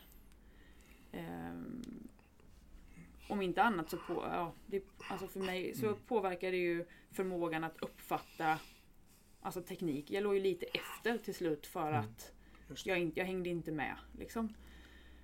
Men, och hur man kan reglera det, alltså det är i så fall antingen att man eh, väger sig alltså på, precis innan man går upp i ringen. Det gör ju BJ'n tror jag. Ja. Mm. Det är därför kan- du är intresserad av Ja. det. Nej men för då, då kan man, alltså är man, för jag, när jag hade bantat så jag, de fick ju leda mig till vågen. Alltså vid ett tillfälle så tappade jag synen på ena, alltså jag var helt, jag visste inte ens vad jag hette liksom. Så hade jag inte kunnat gå upp i ringen. Till exempel. Eller att man ehm, att man vägs när man, men det är också så mycket mer jobb. Alltså när man anmäler till ett mästerskap. Att man har en vikt och sen att man procentuellt inte får tappa. Mm. Men då, då vill det också till att alla vägs av någon kontrollant när man anmäler. Jag Ja. vet inte om det är liksom praktiskt möjligt men det Men skulle just ju det där också våg innan man kliver på kanske skulle kunna Ja. vara en... det skulle stoppa kanske de allra farligaste bantningarna i alla fall. Mm. För att om, om jag hade vetat att så här, okej men om jag bantar så här hårt då kommer jag garanterat förlora. Då hade jag ju inte gjort det. Alltså när man har hört dig berätta det här så låter det ju helt otroligt osannolikt att du slutade av ett annat skäl faktiskt.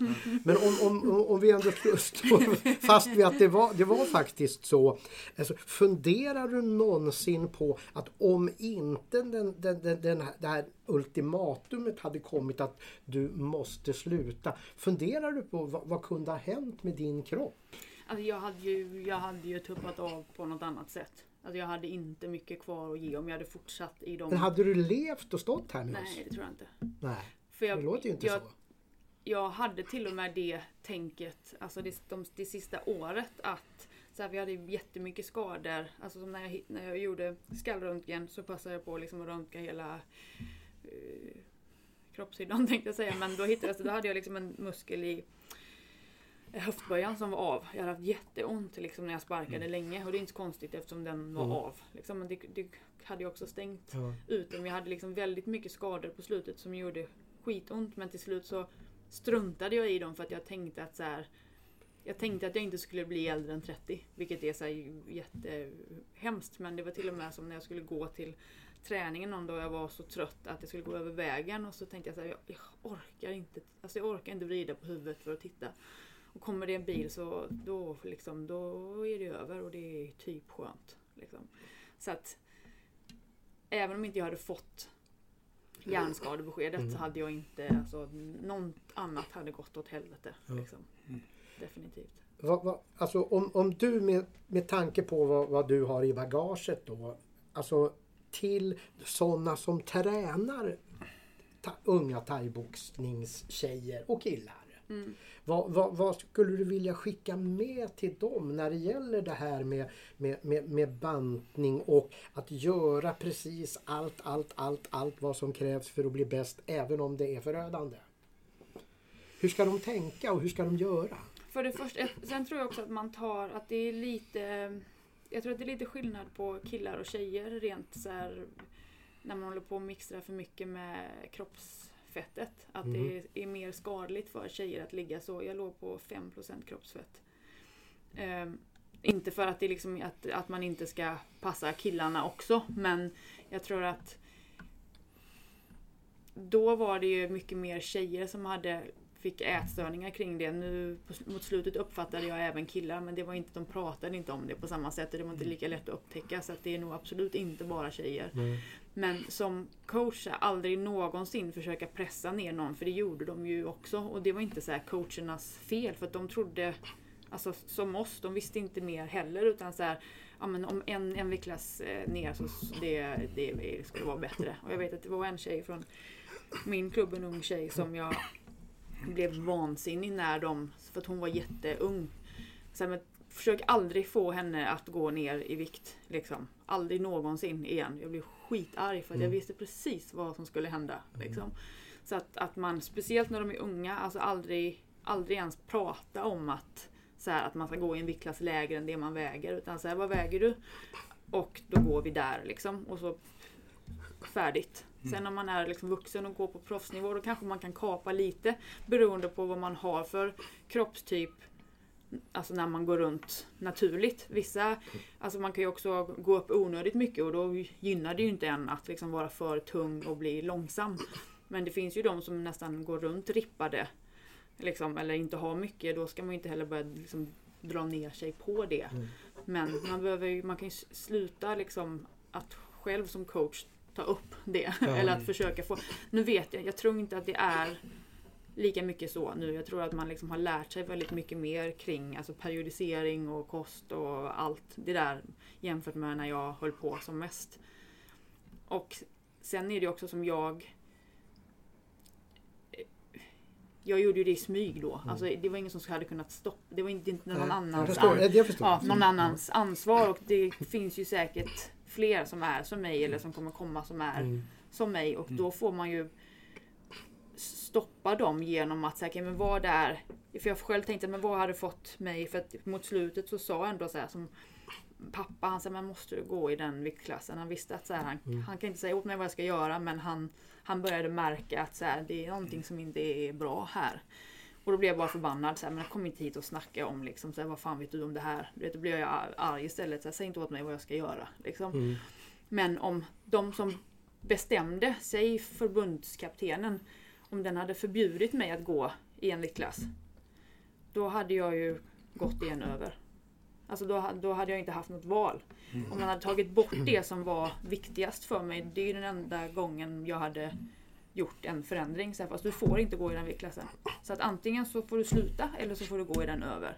Och då hade, jag, ju- då hade man löst det så. Men sen hade jag ju förmodligen blivit vansinnig. Men det, Jo, jo. det, Alltså jag, jag tänker på det, just det här som vi var inne på. eh, Du var ju inne på det också och, och som man vet att det är att just SM är ju entrébiljetten till mästerskapen.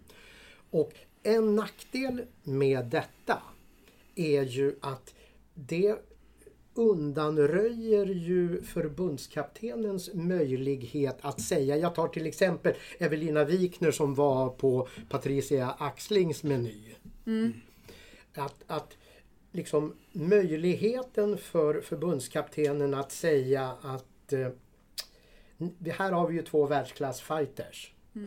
Wikner går viktklassen över, Axling går i sin ordinarie om Axling vinner med SM. Om det är så att man har känslan att Wikner är bättre än den som vinner klassen över. Eller liksom ta till en extra fight eller vad som helst. Liksom. Att den här traditionen att vara så skygglappsmässigt inriktade på SM. Kan inte det vara en nackdel som du säger? Absolut, men jag tror att det finns två anledningar till att man har det så. Ett, för att så här, det är ingen som vågar vara den som bestämmer för det kommer komma så mycket påtryckningar från eh, icke nöjda liksom, klubbmänniskor och det är ju inte alla som är supertrevliga. Liksom. Eh, och sen två så eh,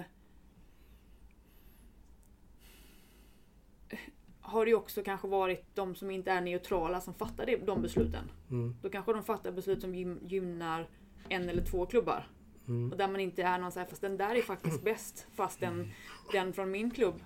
Alltså, jag tror att det har funnits så många andra svårigheter i om det hade varit så. Så att man bara för enkelhetens skull. För då kan man ingen, ingen kan tjafsa om det. Utan så här, den som vann, vann. Ja, man kan ju tjafsa om att det var liksom orättvist dömt då. Men det är ändå inte en person som har liksom valt ut för att alla skulle gå på den. Mm.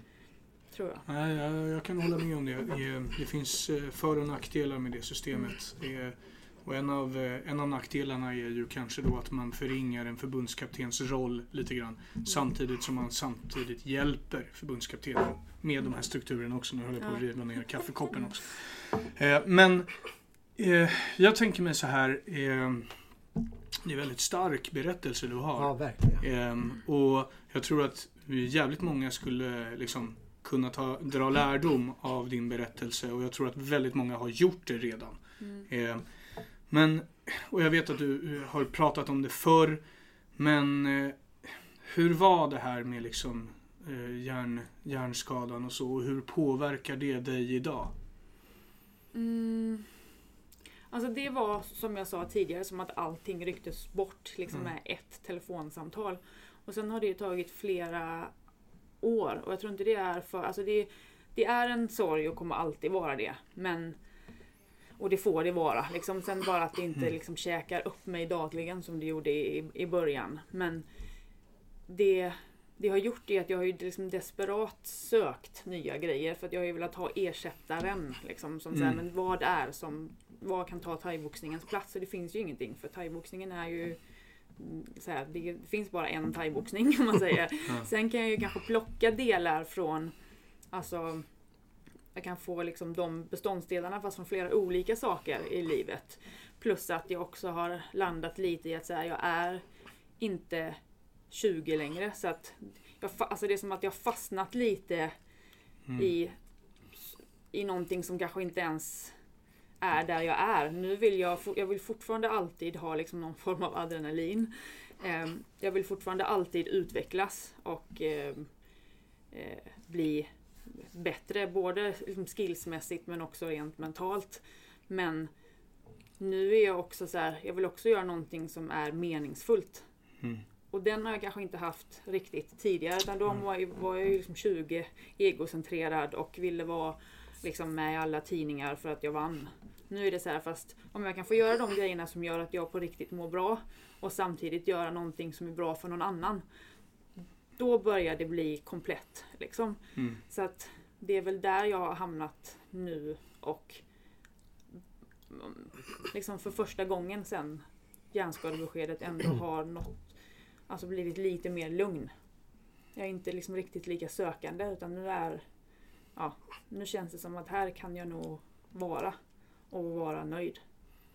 Fanns det en tid då du liksom kunde klandra kampsporten för det här också? Att eh, Nej, jag har liksom aldrig gjort det. förbannad på det? Jag, nej, jag har aldrig gjort det. Jag har ju bara sagt att jag skulle göra det igen. Hela Mm. tiden. Och varit arg för att det tog slut så tidigt. Och alla som försöker klandra kampsporten blir jag ju istället arg på. Så här, fast okej, det här blev fel och det är farligt. Men alla de här grejerna då som är bra med det. Som väger över liksom på med väldigt mycket marginal. Så att det, jag har aldrig klandrat den för att den har fixat mig på så många andra sätt. Så att det, det skulle jag aldrig göra. Om du beskriver det här som att allting drogs undan för dig. Fanns det då tillfällen när du överhuvudtaget tänkte att jag struntar i det här läkarbeskedet, jag fortsätter ändå? Fanns det sådana stunder? Oj, förlåt. Ja, men jag visste ju att det var, fanns ingen som skulle låta mig göra det. Okej, det var så. Så att hade jag hade funnits ett sätt att så här, komma undan så hade jag säkert gjort det. För jag brydde mig, då brydde jag mig inte om jag skulle dö. Alltså jag skulle hellre dö i en boxningsring än att fortsätta leva utan det. För att då såg jag ju som att så här, ja, men livet utan det kan det, det är jag ju inte ens intresserad av. Liksom. Så att, men jag visste att jag hade så pass många runt omkring mig som aldrig skulle låta det hända. Mm. Och därför la jag ner den, det alternativet direkt. För jag tänkte när du beskrev det här att du skulle gå över gatan och att kände att jag orkar inte ens vrida på det skulle vara rätt skönt om jag dog. Mm. Hade du det med dig då så hade du kunnat ligga nära till hands att du, att du tänkte Mm. så här att ah, okej, det säger han ja men ah, det Mm. är ju inte säkert. Nej, jag har ju faktiskt gjort fler, alltså jag har ju faktiskt röntgat flera gånger efter det för att jag inte har trott på det eller Mm. för att jag liksom eh, Sen när jag väl accepterade det tänkte jag att det skulle kunna ske ett mirakel. Mm. liksom, det har ju hänt andra. Har, har, det, har det varit så liksom att eh, med eh, kampsporten så har livet varit eh, en, en fin bourgogne liksom och utan den så har det varit någon så här halvskabbig 59 kronors liksom. Eh, men- och, och, eh, hur, Bra att du tog röda viner som hon valde i Ja, ja, ja. början där. Men hur, hur, hur, Nej men gud! Hur du har vad? du Jag fått- fattar inte ens att du frågar om vin. Det gjorde vi inte heller. Det gjorde vi inte heller. först tänkte jag så här, vitt, först tänkte jag så här, vitt, jag gillar inte färg, det ska vara svart, Ja. kanske vitt om man liksom måste för jobbet. Sen så bara, nej men rött, jag är ju en röd personlighet. Jag hade inte ens en tanke på vin. Nej, det. Nej, nej, det hade inte vi heller. ja. Eh, nej, men, för, för, det, det jag tänker mig är ju då att du har sagt att du har liksom, eh, slutat söka på något sätt. Eh, är det då att du har liksom accepterat att livet är det här 59 kronors eller har du hittat andra saker som kan växa ut till den här bourgognen? Liksom? Ja, nej, jag skulle aldrig acceptera att livet är liksom eh, mittemellan. Det, då, då skiter jag hellre i det tror jag. Men det är nog snarare att jag har hittat andra saker som jag kan liksom försöka återskapa på något Mm. eh, liknande sätt. Tror jag.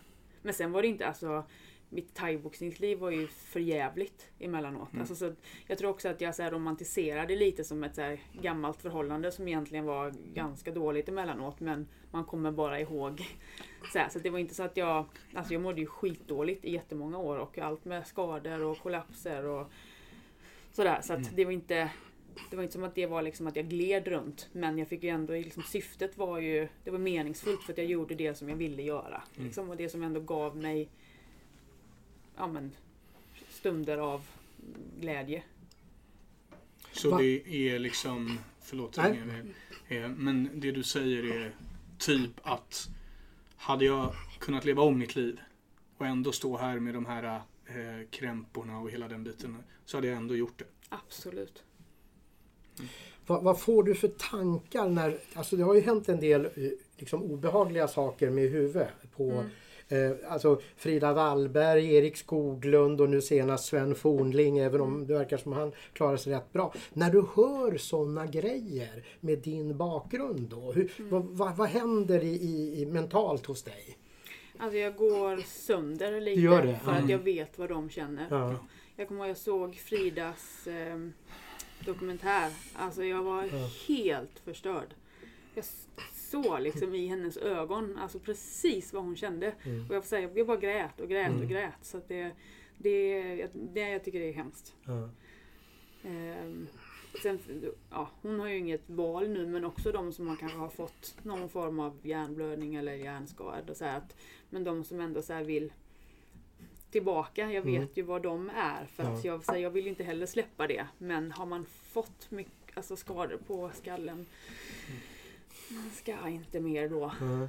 För nu låter det lite som Sven Fornling ändå är intresserad av att fortsätta. Mm. Jag har inte hängt med på vad de kom fram till att det var. Han hade ju en blödning i det här skiktet som ska skydda hjärnan. Mm.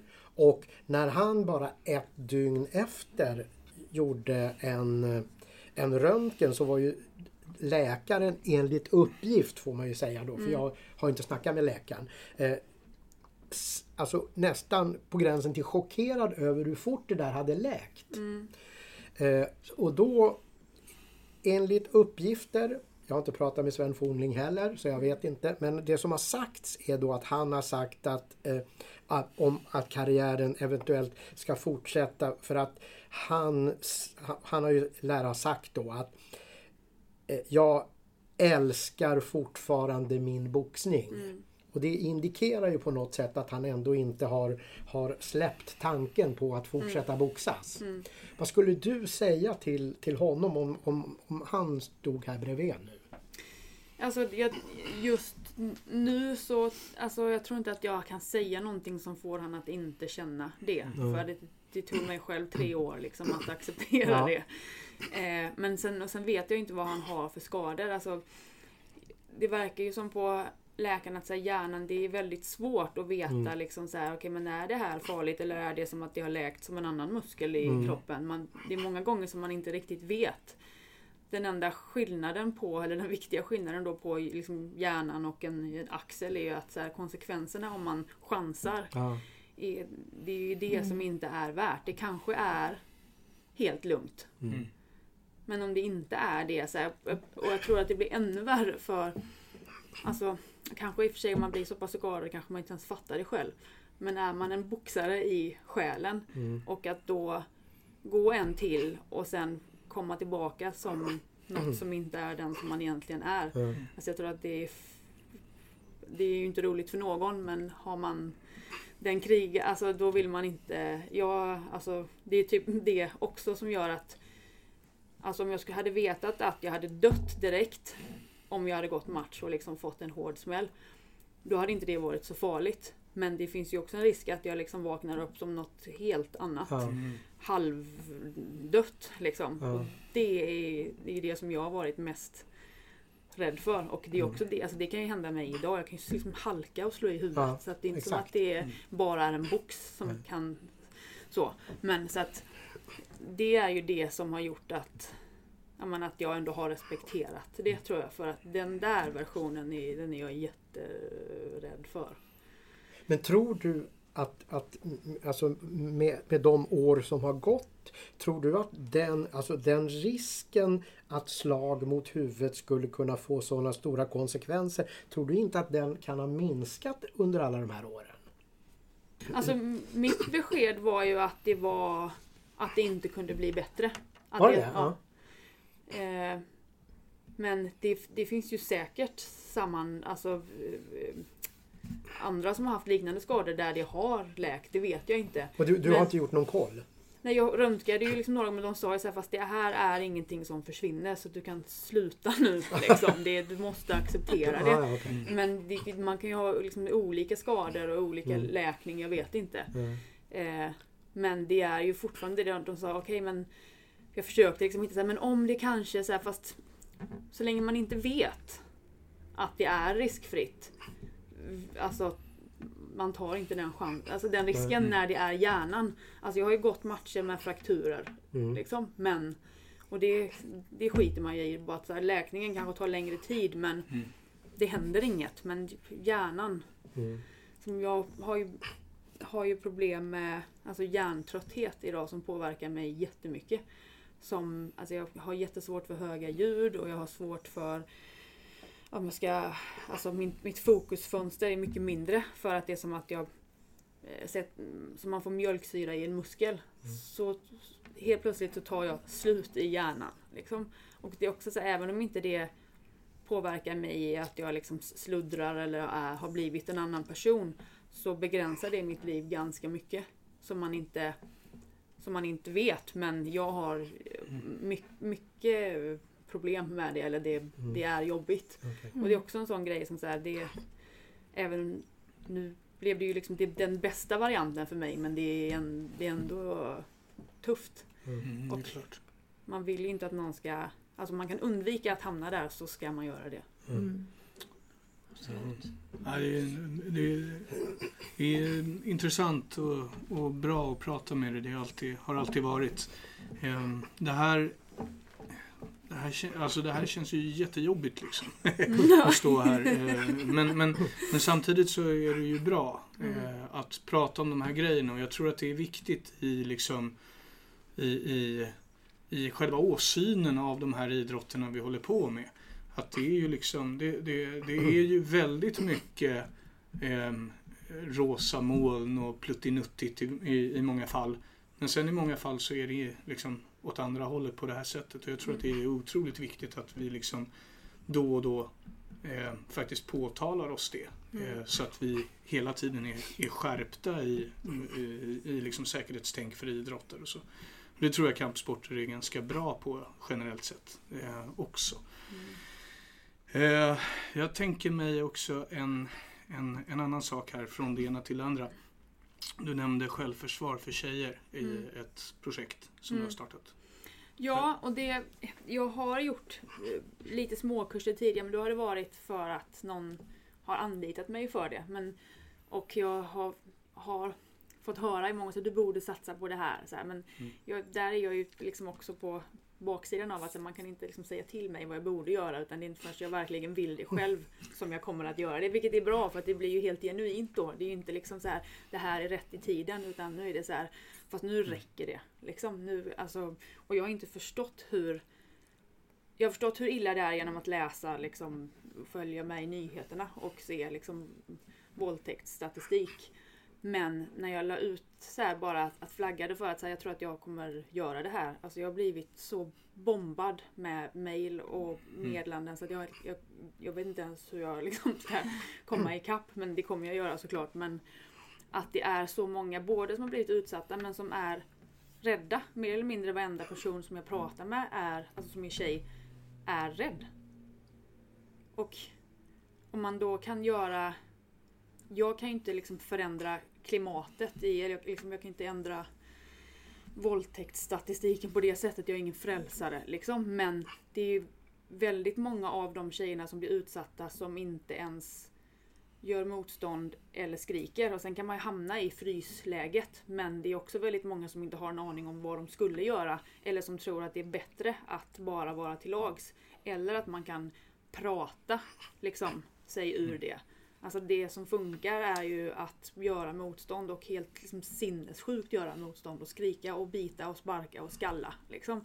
Men om man inte har en aning om vad liksom, vad för mindset eller vad som där det skadar mest eller där var det gör mest obehag. Alltså det är inte så att man kommer komma på det i den situationen. Sen kan det hända att man kanske inte ens får till det ändå. Men om alltså 5% av alla de som skulle komma på min kurs har nytta av det. Det är fortfarande liksom en, säg att det är ett våldtäktsförsök som inte gen, alltså där det misslyckas, då är det ju värt det. Liksom. Mm.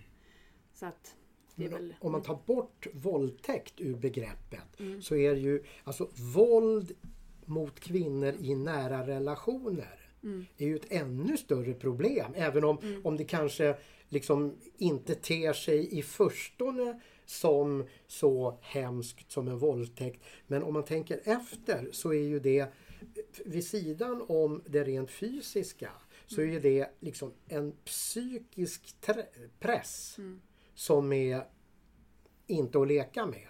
Att veta att när som helst när man kommer hem så kan man åka på en riktig hurring utan att man egentligen vet varför. Och det, där i statistiken är alltså överfallsvåldtäkterna är ju inte vanligast utan det är ju de i hemmen. Och jag kan ju inte göra jag kan inte attackera alla plan Nej. samtidigt. Nej. Jag får ju välja en bit där jag tror att jag har mest att ge. Däremot tror jag att om de här tjejerna som, som blir utsatta i hemmen, säg att de skulle gå och börja träna, det kanske kan ge dem lite självkänsla och bara liksom en känsla av mer styrka i att så här, kunna sträcka på sig och liksom säga ifrån tidigare nästa gång. Eller kanske lämna. Alltså, det finns ju ändå jag tror att det kan göra en, en skillnad i att, det vet jag ju bara tjejer som aldrig har hållit på med kampsport som kommer och kör boxning eller thai, hur de så här, det känns som att de bara växer från insidan och kan gå lite mer rakryggad därifrån och bara mår bättre inifrån. Liksom. Jag tror att där kan man bara liksom generellt öka lite självkänsla så kanske det gör att de någon vågar säga ifrån där de inte har vågat säga ifrån tidigare. Jag vet inte men jag tror att det, det kan aldrig bli dåligt i alla fall. Det där borde, alltså flickor borde, borde få ta del av såna här grejer i skolan. Tycker jag. Verkligen. Just när, alltså när man vet hur det ser ut och vad, vad, vad det sägs om våld mot kvinnor i, i, i nära relationer oavsett vilken sorts våld det är. Just att, att veta att, det, eh, att, att man kan få växa någon decimeter av att veta att så här skulle man kunna göra. Mm. Ja men bara att så här, vad letar en angripare efter? Så här, om jag går i, i, ihopkurad och tittar Ja. ner i marken eller om jag sträcker på mig kommer han välja, alltså vad, hur, hur väljer han eller hur är min omgivning? Hur, Ja. Vad är det jag ska leta efter? Eller, och sen så här, när det är kört, då är det kört. Men tänk om en pungspark kan göra att han liksom i tre sekunder stannar upp av obehaget. Och på de tre sekunderna så hinner det komma någon på andra sidan Ja. parken som hör. Och då avbryter han. Det är liksom inte så här att det här greppet gör att han lägger sig ner och liksom, jag ger upp. Men det kan ju fortfarande liksom, det räcker ju med att vinna någon sekund Mm. för att det ska få liksom en annan utväg. Och det där, jag, jag, jag tänker på, på en sak och jag tänkte höra, du som ändå är i den här branschen nu. Jag, jag går ju ofta på vägar där man kanske inte riktigt skulle gå i mörker. Mm. Inte sällan går jag förbi tjejer med två lurar i öronen.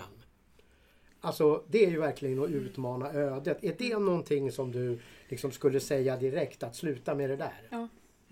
Eh, för att, alltså att upptäcka någon som när den gör ett överfall eller att upptäcka någon fem meter tidigare. De fem meterna kan vara ganska viktiga. Liksom. Sen, jag är själv så här, det är sjukt tråkigt att bara gå omkring och inte lyssna på något eller titta på något för att man, så har vi ju blivit i samhället idag. Man vill ju hela tiden ha någon form av stimulans. Liksom. Men där är det eh, lite för dumt Ja. faktiskt att inte... Det som jag var ute och gick i skogen en kväll, med, jag och min man var ute och gick med hunden och så hörde vi ett, eh, något ljud. Och så stannade jag upp. Han bara, fast vad tror du? du alltså för det bor, eh, det bor folk i skogarna. Ja, ja, just det. Och det vet jag att de har sina läger. Så han bara, men alltså vad tror du? De ser ju oss. Fattar du väl? Så jag bara, det spelar ingen roll. Jag vill veta om det är någon som är på väg hit. Och i så fall hur långt ifrån. För att om de ska göra någonting Mm. så är det ganska stor skillnad för oss. Om vi vet det nu eller när de står bakom oss. Ja. Liksom. Så att ja, det är sådana liksom, små grejer som att det tar inte bort eh, det jag jobbar med och kan tar inte bort att det finns folk i skogen. Nej, liksom. Nej, Eller att så här, mina kurser kommer nej, inte ta nej. bort våldtäktsmän men vi kan få verktyg till Ja. att liksom göra situationerna bättre. Liksom. Ja, och ko- kompletterat till att kanske ha en bättre dialog när vi pratar om skolan och självförsvar och sånt så handlar det också om attitydförändringar Mm. Mm. hos både kvinnor och, och män eller Mm. killar och tjejer. Det är något som man kanske ska peta in här i diskussionen också. Mm. Det finns väldigt många delar av det här problemet. Liksom. Men jag tänker att jag, jag börjar ju där jag tänker att jag har mest att tillföra. Sen finns det någon annan som är bättre på liksom yngre barn i skolan och då ska den vara där och göra det. Det betyder inte att så här, ja, men det här löser allt eller att, att ett försvarsspray är lösningen på allt.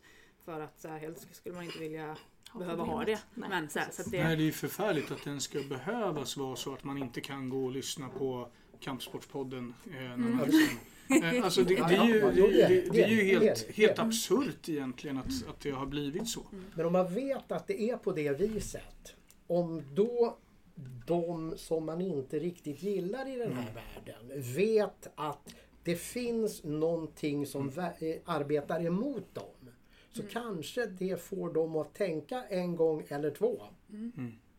det kanske får dem att Ja, avstå ja, precis, liksom, precis. någon gång extra och då har vi räddat Ja, några på bara det. precis. Liksom. Eh, Så Ja, den det-. Ja. alla såna, alla grejer som är liksom till för att, för att, att skydda liksom helt oskyldiga människor från våld de inte förtjänar. Mm. Så är ju det Mm, ja. bra oavsett om det är Absolut. du eller någon annan som, som gör det. Och ju fler desto bättre Ja, är det. precis. Det finns ju folk som, som gör det här redan och som gör det bra. Så att det är inte så att jag är först heller. Nej, men det spelar Men ingen roll. ja, Ju fler jag har ju, desto bättre. jag har ju min målgrupp som kanske inte de når ut till. Nej. Och kan sätta ihop det på ett sätt som jag tycker är effektivt.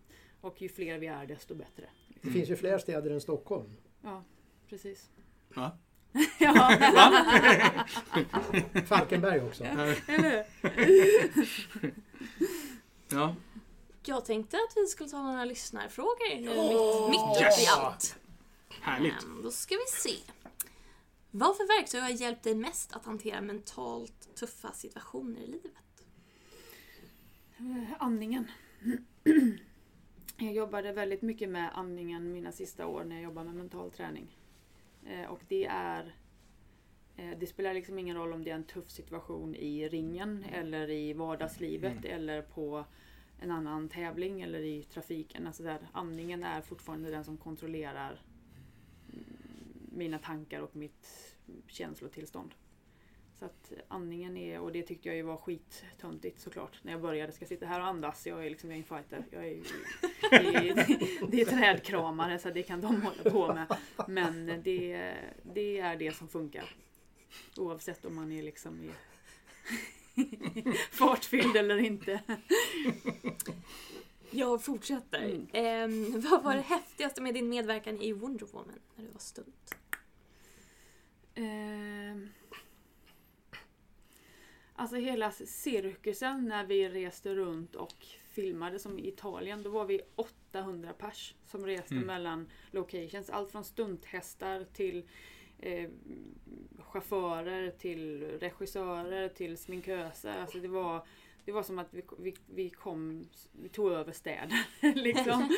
Och jag hade, hade aldrig kunnat föreställa mig att det var så stort. Eh, och jag tyckte ju mest, alltså det som jag gillar mest med film är ju att göra den. Inte så mycket liksom efteråt. Har, Nej, men- har, har du tittat på Wonder Woman själv efteråt och liksom såhär, åh gud, där är jag och vad bra jag är. Nej, jag är faktiskt jag är ganska självkritisk.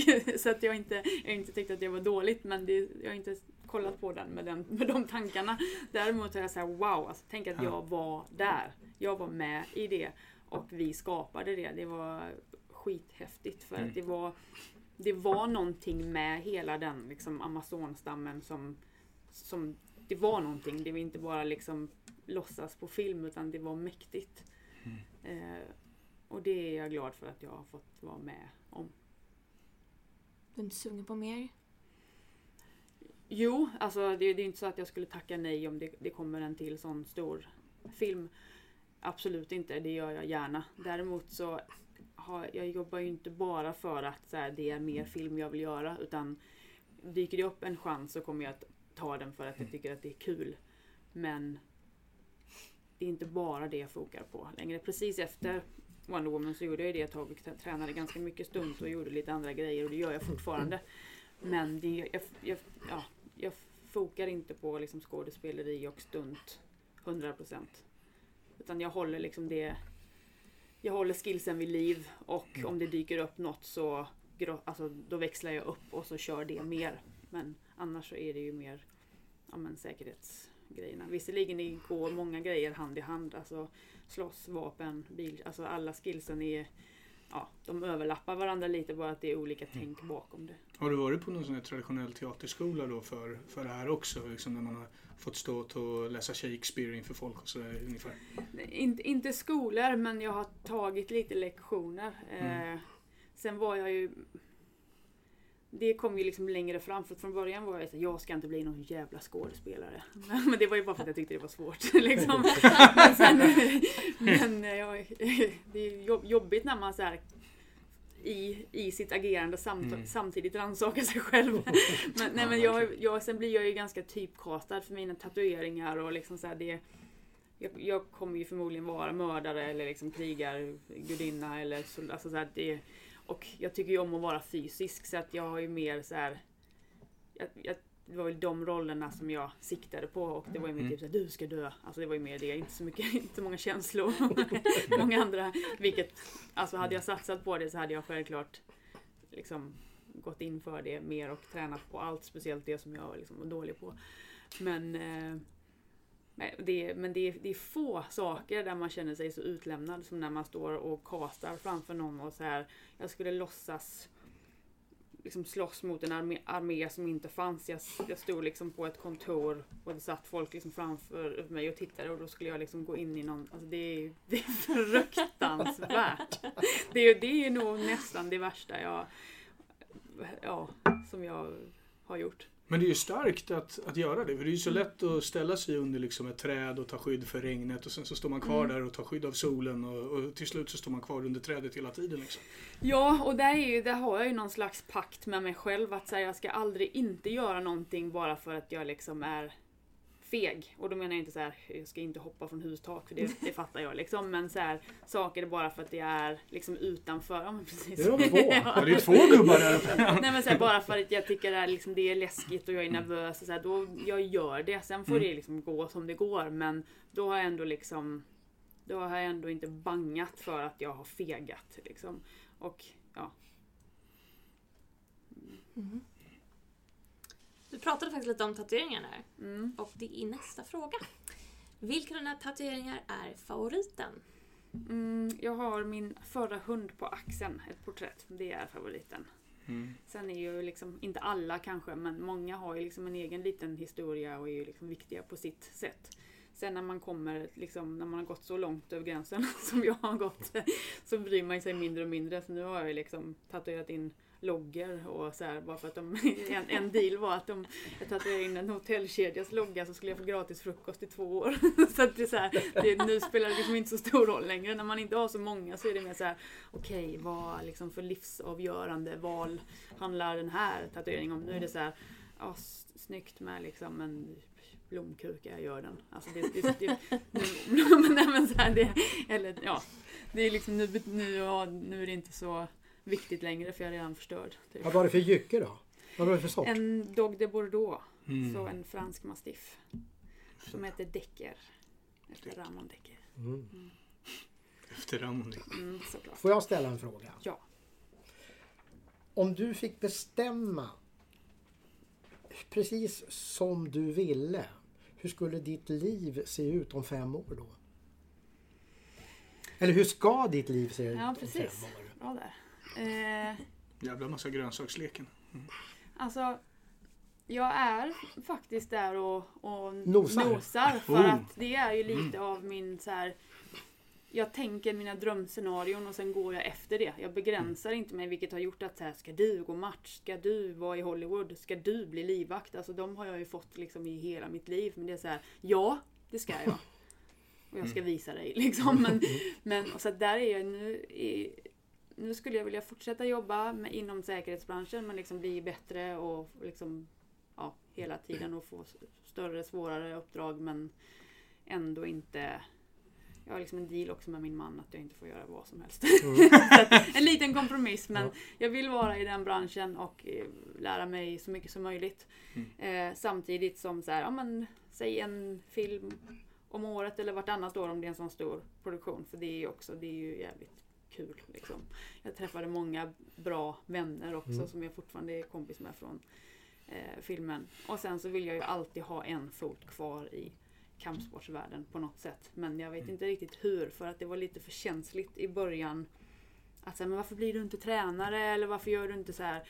Ja, för det första så var jag ju inte färdig själv och jag vill inte vara en tränare där jag fortfarande tänker på mig själv utan den, jag är ju en tränare för min adept. Liksom mitt, min, mitt, mission är ju att den ska lyckas. Jag ska, kan ju inte stå där och försöka låtsas att, jag är, att det är jag som är den utan jag måste vara färdig med mitt. Eh, samtidigt som så här, jag gick back i tio år för att jag var fighter och jag kan inte liksom fortsätta leva, jobba ideellt. Nu kanske det finns lite mer pengar i det men när jag liksom slutade tävla, tänkte jag, jag, måste, jag måste jobba och tjäna pengar på ett jobb för att jag kan inte... Ja, så det är väl lite de två grejerna att jag vill ha en fot men jag kan inte göra det på heltid om det är ideellt. Mm. Eh, nu är jag nog så pass färdig att jag skulle kunna liksom ta någon annan roll än fighter och göra det helhjärtat. Men ja, jag kan inte göra någonting om det inte är helhjärtat. Så... Men, men du har inget område som, som lockar dig som ännu är helt outforskat då, för, för, för din del? I livet? Ja. Nej, nu har- jag nog varit och nosat på det mesta faktiskt. Sen är det ju så här inom varje inom varje hem. Jag varit, jag vet inte hur mycket konstigheter jag har hållit på med. Men ehm, inom varje område här så kan jag ju också göra ganska mycket. Så att det är därför det inte känns som att det är så här som att det bara är det utan jag kan utvecklas och göra liksom nya saker inom varje område. Och det är nog därför jag tror att jag trivs med det. Så känns det lite som att vi börjar bli klara här med våra hundra frågor. Ja, alltså, ja. Jo. Ehm, jag tänkte på det där med gröns... Nej, det är ju... Men den filmen den finns uppe, den ligger uppe. Gör det? Ja, Jag scrollar ner i. Ja, det får man ju göra. Jag är fortfarande fascinerad av grönsaker. Jag har aldrig hört talas om det nämligen. Har ni det? Nej. Vadå? Grönsaksleken? ja, men jag, kan, jag, jag skickar det till er så får ni lägga upp den tillsammans med inlägget. Kan man vara bra på det? Alltså om man är, inte har humor tänkte jag säga. Men Ja, då, det är väldigt... då är jag körd alltså. För att grejen är att man inte får börja skratta men det är, man ser ju sinnessjuk ut så det går ju inte. Så här, jag är morot. Så här, och så får man upprepa det och inte visa, eller tänderna är det man inte får visa förresten. Hmm. Men om man, alltså om man sitter i en situation där man inte får skratta. Mm. Då spelar det nästan ingen roll vad som händer runt Nej. omkring en för då börjar man skratta Ja, ja, ändå. ja, ja, visst, visst, visst. För det kommer jag, det kommer jag ihåg. Det fanns en tid när man var alltså, grabb och det var någonstans före tonåren. Mm. När man kunde liksom sitta två stycken och, och, och, och börja fni- fnittra och aldrig kunde sluta. Liksom. Det känner man nog igen sig de Och flesta i det den här var i något skrattattacken. tillfälle när det var olämpligt. Ja, ja, såklart. olämpligt. Ja, ja, självklart. man inte får. Det Nej, nej, det är ju det är ju liksom urtypen för det. Men alltså jag tänker mig, har vi inte infört en ny kategori här nästan i liksom, eller ny, ett nytt segment här? Alltså det var, vi har trommestadarna. vi, vi har ju glömt bort snyggsparkarna. Ja, jag tänkte Jävla komma in på skit. det. Snyggsparkar och Bella och så här. Vi, vi, ja, vad, vad tycker du om snyggsparkar förresten? Jag vet inte ens vad vi pratar om. Nej, vi hade Bella Backe här. Ehm, och hon, eh, hon fick eh, oss, eller eh, Range i alla fall, att snappa upp ordet snyggspark som hon använde flera gånger. Ja. För det var det, det var det hon gillade bäst. Ja, och sen har vi frågat våra gäster Eh, oavsett om de har varit bågskyttar eller vad de har varit, höll jag på att säga, efter Okej. snyggsparkar. Ja, Okej, nej jag vill ju bara förstöra mina motståndare. Så jag skiter i om det är snyggt eller inte. Ja. Ja. Med det svaret Men du valde ju heller ingen spark, du valde ju en vänsterkrok. ja. Exakt. Trots att det var fel hand då. Annie har velat avsluta det här ett tag nu. Ja, jag trodde du hade stängt av för länge sedan. Nej, nej. Jag tänkte att först att det är passande att vi tackar dagens gäst. Ja. Madde, tack så jättemycket för Ja, att du kom hit snälla. och delade med dig av din eh, starka historia. Tack för att jag fick vara med.